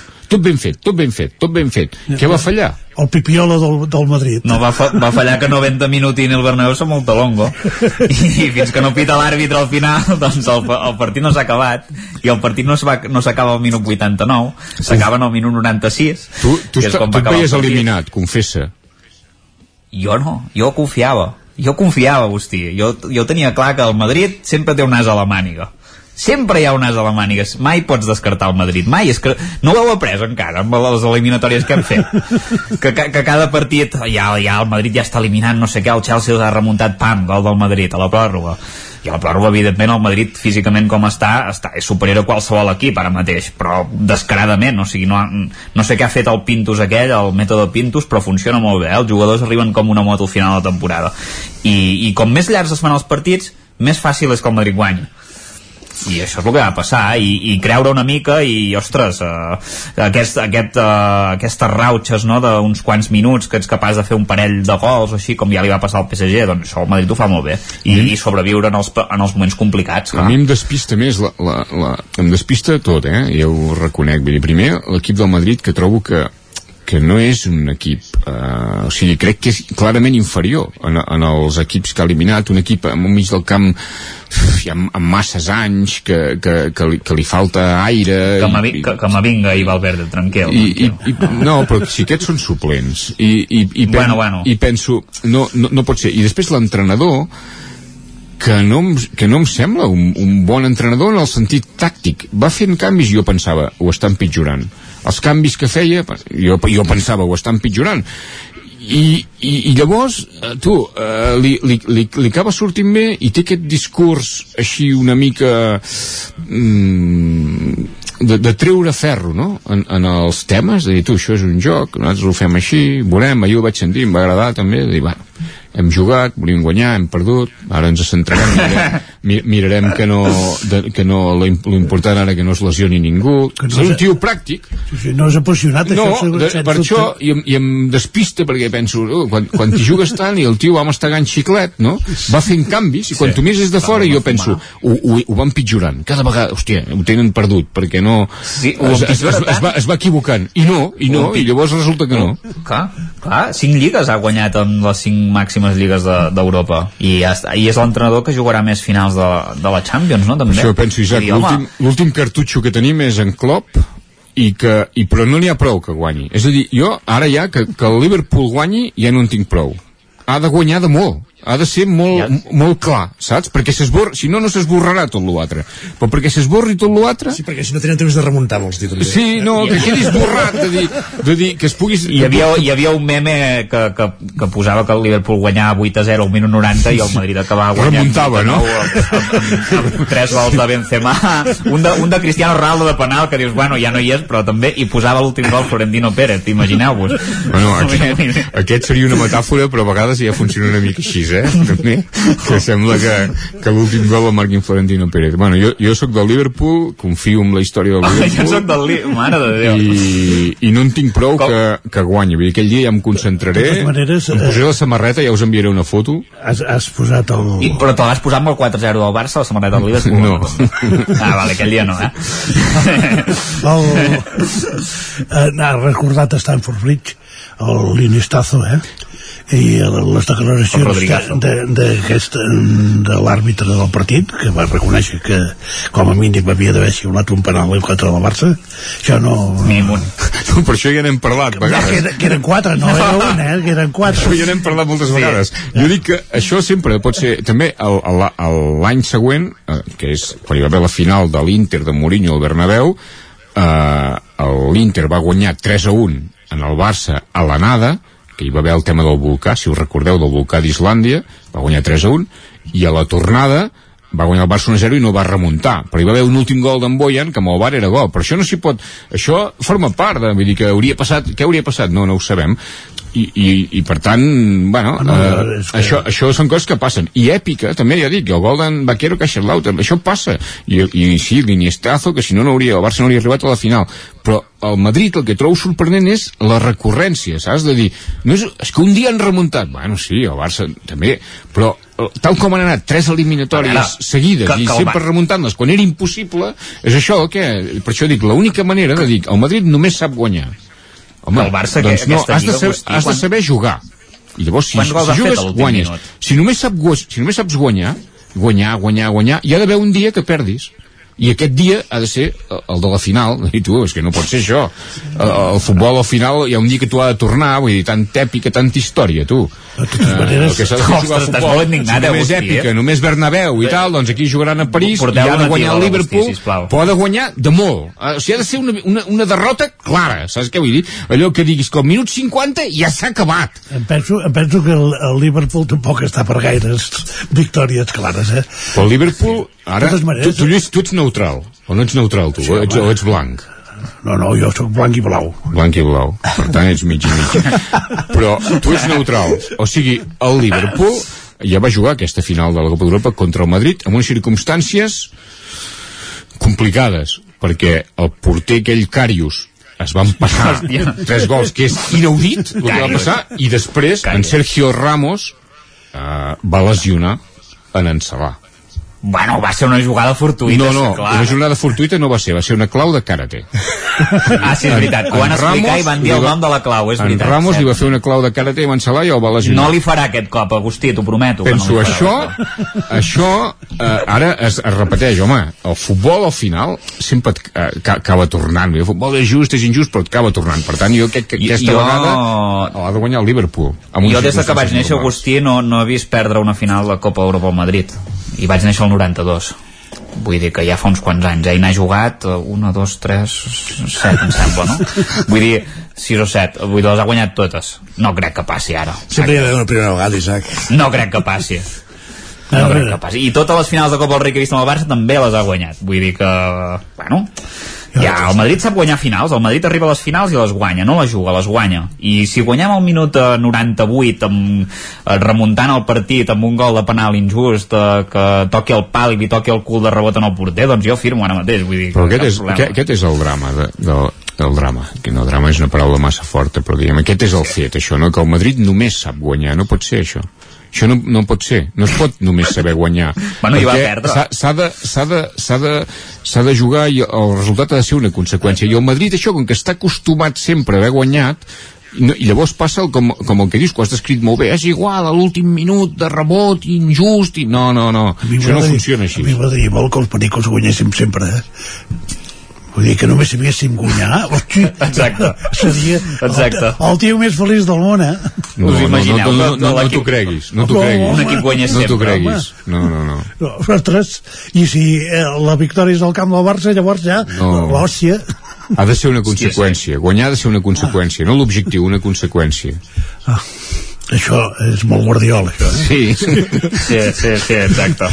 Perquè em demanes en, eh, si vaig a favor d'algú de, de, a la final Sí. i tu vas contra algú. No, jo vaig a favor del Liverpool. Ah, i contra? Contra el Madrid, Ah, va, si jugaré entre No, ells, perquè no anar, ets antimadridista, no, no puc anar a favor dels dos. No, Ets antimadridista, No, no, puc anar a favor res. dels dos. No, no, jo no. Tu a favor de qui vas? Jo del Liverpool. També? Sí. Per? perquè el minut, el minut 90 guanyarà 2 a 0 i perdrà al final 3 a 2. El Liverpool. Sí. En Lluís, no, ahir, Lluís només, només riu, però ahir a la tarda vaig tenir l'o- l'o- l'oportunitat de- d'anar a Cornellà, que en Lluís també hi era, i no, no ens veiem, perquè ell era en una punta i l'altra, però em sembla que no reia tant ahir. No, tu ets a la, a la porteria, no? Bé. No, no, a la primera part no reia gens. Va ser horrible. I a la segona part, eh, doncs, quan van jugar els que havien de jugar, eh, doncs llavors... Què vol dir que van jugar els que havien de jugar? doncs que van jugar els jugadors que senten els colors perquè quan no hi ha res en joc el que has de fer és els nanos de la casa Nico Malamet eh, Òscar Belendo i, i aquests, aquests són els jugadors que, que, que juguen per una altra cosa que més que pels punts Però la gent em sembla que no reclamava pas aquests, eh? no, la gent reclamava que fessin fort l'entrenador i el secretari tècnic això ja fa dies que, que la gent ho, ho reclama però I el eh, faran fora o no, Lluís? Jo diria que hi ha un Perquè hi ha una- 50% de, de, de possibilitats de que sí, un altre 50% Home, quan, quan l'ambient està així tan enverinat, l'entrenador té mala peça al taler, però és molt injust. O sigui, jo també que, que m'ho miro sense passió, aquest, aquest tema, trobo que ahir, que, que el, no, no, no el minut 1, diguem, quan diuen l'alineació, la gent es posa a xiular i xiula l'entrenador perquè no els agrada que en Raúl de Tomàs sigui a la banqueta, però clar, l'entrenador alguna autoritat deu haver de tenir és a dir, després del que va passar allà que, que, que el despreci que, que li va fer, que el va agafar de la solapa home, l'entrenador també ha de defensar però clar, la gent xiulant a l'entrenador perquè volen, perquè volen Raúl de Tomàs, home, però l'entrenador queda però... en un lloc. I després aquestes ganes de xiular, quan l'equip, al final, va fer una temporada que, tu, s'ha sal salvat bé. És que este a la mitja part xiulaven a l'speaker. Jo vaig trobar-ho espectacular, ja. De dir, oh, sí, perquè l'speaker va dir, oh, segona part, ara an, an, animem i no sé què, i la gent es van posar a xiular a l'speaker, que hi vaig pensar, tu, Però això... Aquest no és l'speaker, aquest és, Ah, no sé qui era, tu. eh, és un que, que surt perquè fan uns jocs a la mitja part. jocs, i, va. Ah, allò de marcar des del mig del camp i aquestes coses. Exacte, en aquest cas era superar una barrera eh, amb els ulls tapats i no sé, són, són eh, qüestions publicitàries d'aquestes que, que, que s'han de fer. De totes maneres, el, jo el que penso és que en fa molts dies que l'equip està virtualment salvat, matemàticament falta un punt, però és igual perquè si el Mallorca no guanya de, de, demà a la a Sevilla, doncs ja, ja està fet encara que l'Espanyol no, no fes cap punt, vull dir que des d'aquest punt de vista, però esclar, eh, demana't alguna cosa més. O sigui, no, no, no demanes. Ja estem salvats i per tant ja, ja tot és festa major i, i aquí no corre ningú i ja vas veure que la, la primera part va ser autènticament lamentable i llavors el que passa és que en un partit no n'hi ha prou per, per, per tenir les sensacions que, que té l'aficionat que hi va cada, cada dia Sí, però, però es ve d'on es ve, és que, vull dir, el Mallorca, que va pujar també, no? Mhm. El Mallorca poder baixarà. Sí, sí. I, és que és molt difícil això, eh? I, i llavors, diem l'Espanyol, que, bueno, que ha fet una temporada que ha guanyat en el Madrid a casa. Va, va empatar amb el, amb el Barça a casa, l'Atlètic de Madrid sé, també el va, va empatar amb aquell gol el, el, el, el, va guanyar, va guanyar l'Atlètica el gol. a l'últim minut amb el descompte, que passaven 10 minuts. minut vull dir que al 103. final és un equip que ha competit. I ha, i ha, i ha competit molt bé fins ara, Això- amb una plantilla bueno, les coses s'han d'anar construint jo, jo vaig trobar un excés de- d'exigència i, i, però ja de, perquè pot ser, diem, si tu agafes i, i, bueno, i et passa com li va passar al Mallorca aquesta setmana a casa amb el Granada, jo ho entenc, si te'n foten sis, però però, però tal com va el partit el nivell ja des, des del minut zero aquesta crispació no ho entenc És que, això no porta res I a dir. més en veus que el, el, el davanter no és en Raúl de Tomàs, però és que no n'hi ha cap més perquè el Loren no ha funcionat en absolut en Dimatà no té nivell de jugar a primera divisió I Però el Loren no ha jugat, és que no l'ha ficat. Sí, però és que, és que cada vegada que ha jugat és que, és que no, no ha, ha tingut, per exemple eh, motiu, eh, o sigui però ha posat en, ha posat en, ha posat en Puado i en Puado fa bé, també els entrenadors al final has de donar confiança, vull dir sí, és però- més, per l'entrenador segur que és més fàcil posar en Loren que ha jugat a primera divisió que no pas en Puado però en Puado, no, en Puado ha jugat tota la temporada per però això, no és nou amb aquest entrenador però no és nou amb aquest entrenador Sí, però es van d'empuado, eh? Ah, no? Mm. I, el, I el problema és el nou. O sigui, va, va fer jugar amb volei, que és un bon, molt bon nano, i té eh, pilotes d'hort a, a, a la Xina, però aquí no, té un nivell de, de, de, eh, més baix, diguem-ho així, eh? Però no ho facis dir la categoria, perquè el posaríem al Manlleu. Va, Manlleu, has dit? ha dit el Manlleu Continuem parlant la setmana vinent eh, de futbol, aquesta prèvia a la final de la Champions, que encara ens falta algunes setmanes. Gràcies, Agustí Danés, Lluís de Planell, Isaac Muntades. Bon dia. Bon dia. Bon dia. Bon dia. I acabem també el Territori 17. Hem engegat a les 9 del matí en companyia de Pepa Costa, ja ho han sentit des de Palomares del Río, també Caral Campàs, Guillem Sánchez, Guillem Freixa, Miquel R, Esther Rovira, Òscar Muñoz, Núria Lázaro, Adrià Oliveres, Isaac Muntades, Lluís de Planell, Agustí Danés, Jordi Sunyer i Isaac Moreno. I tornem demà a partir de les 9 del matí. Que passin molt bon dilluns i gràcies per ser-hi. Adéu-siau. Territori 17 un magazín del nou FM. La veu de Sant Joan, Ona Codinenca i Ràdio Cardedeu amb el suport de la xarxa. El nou FM.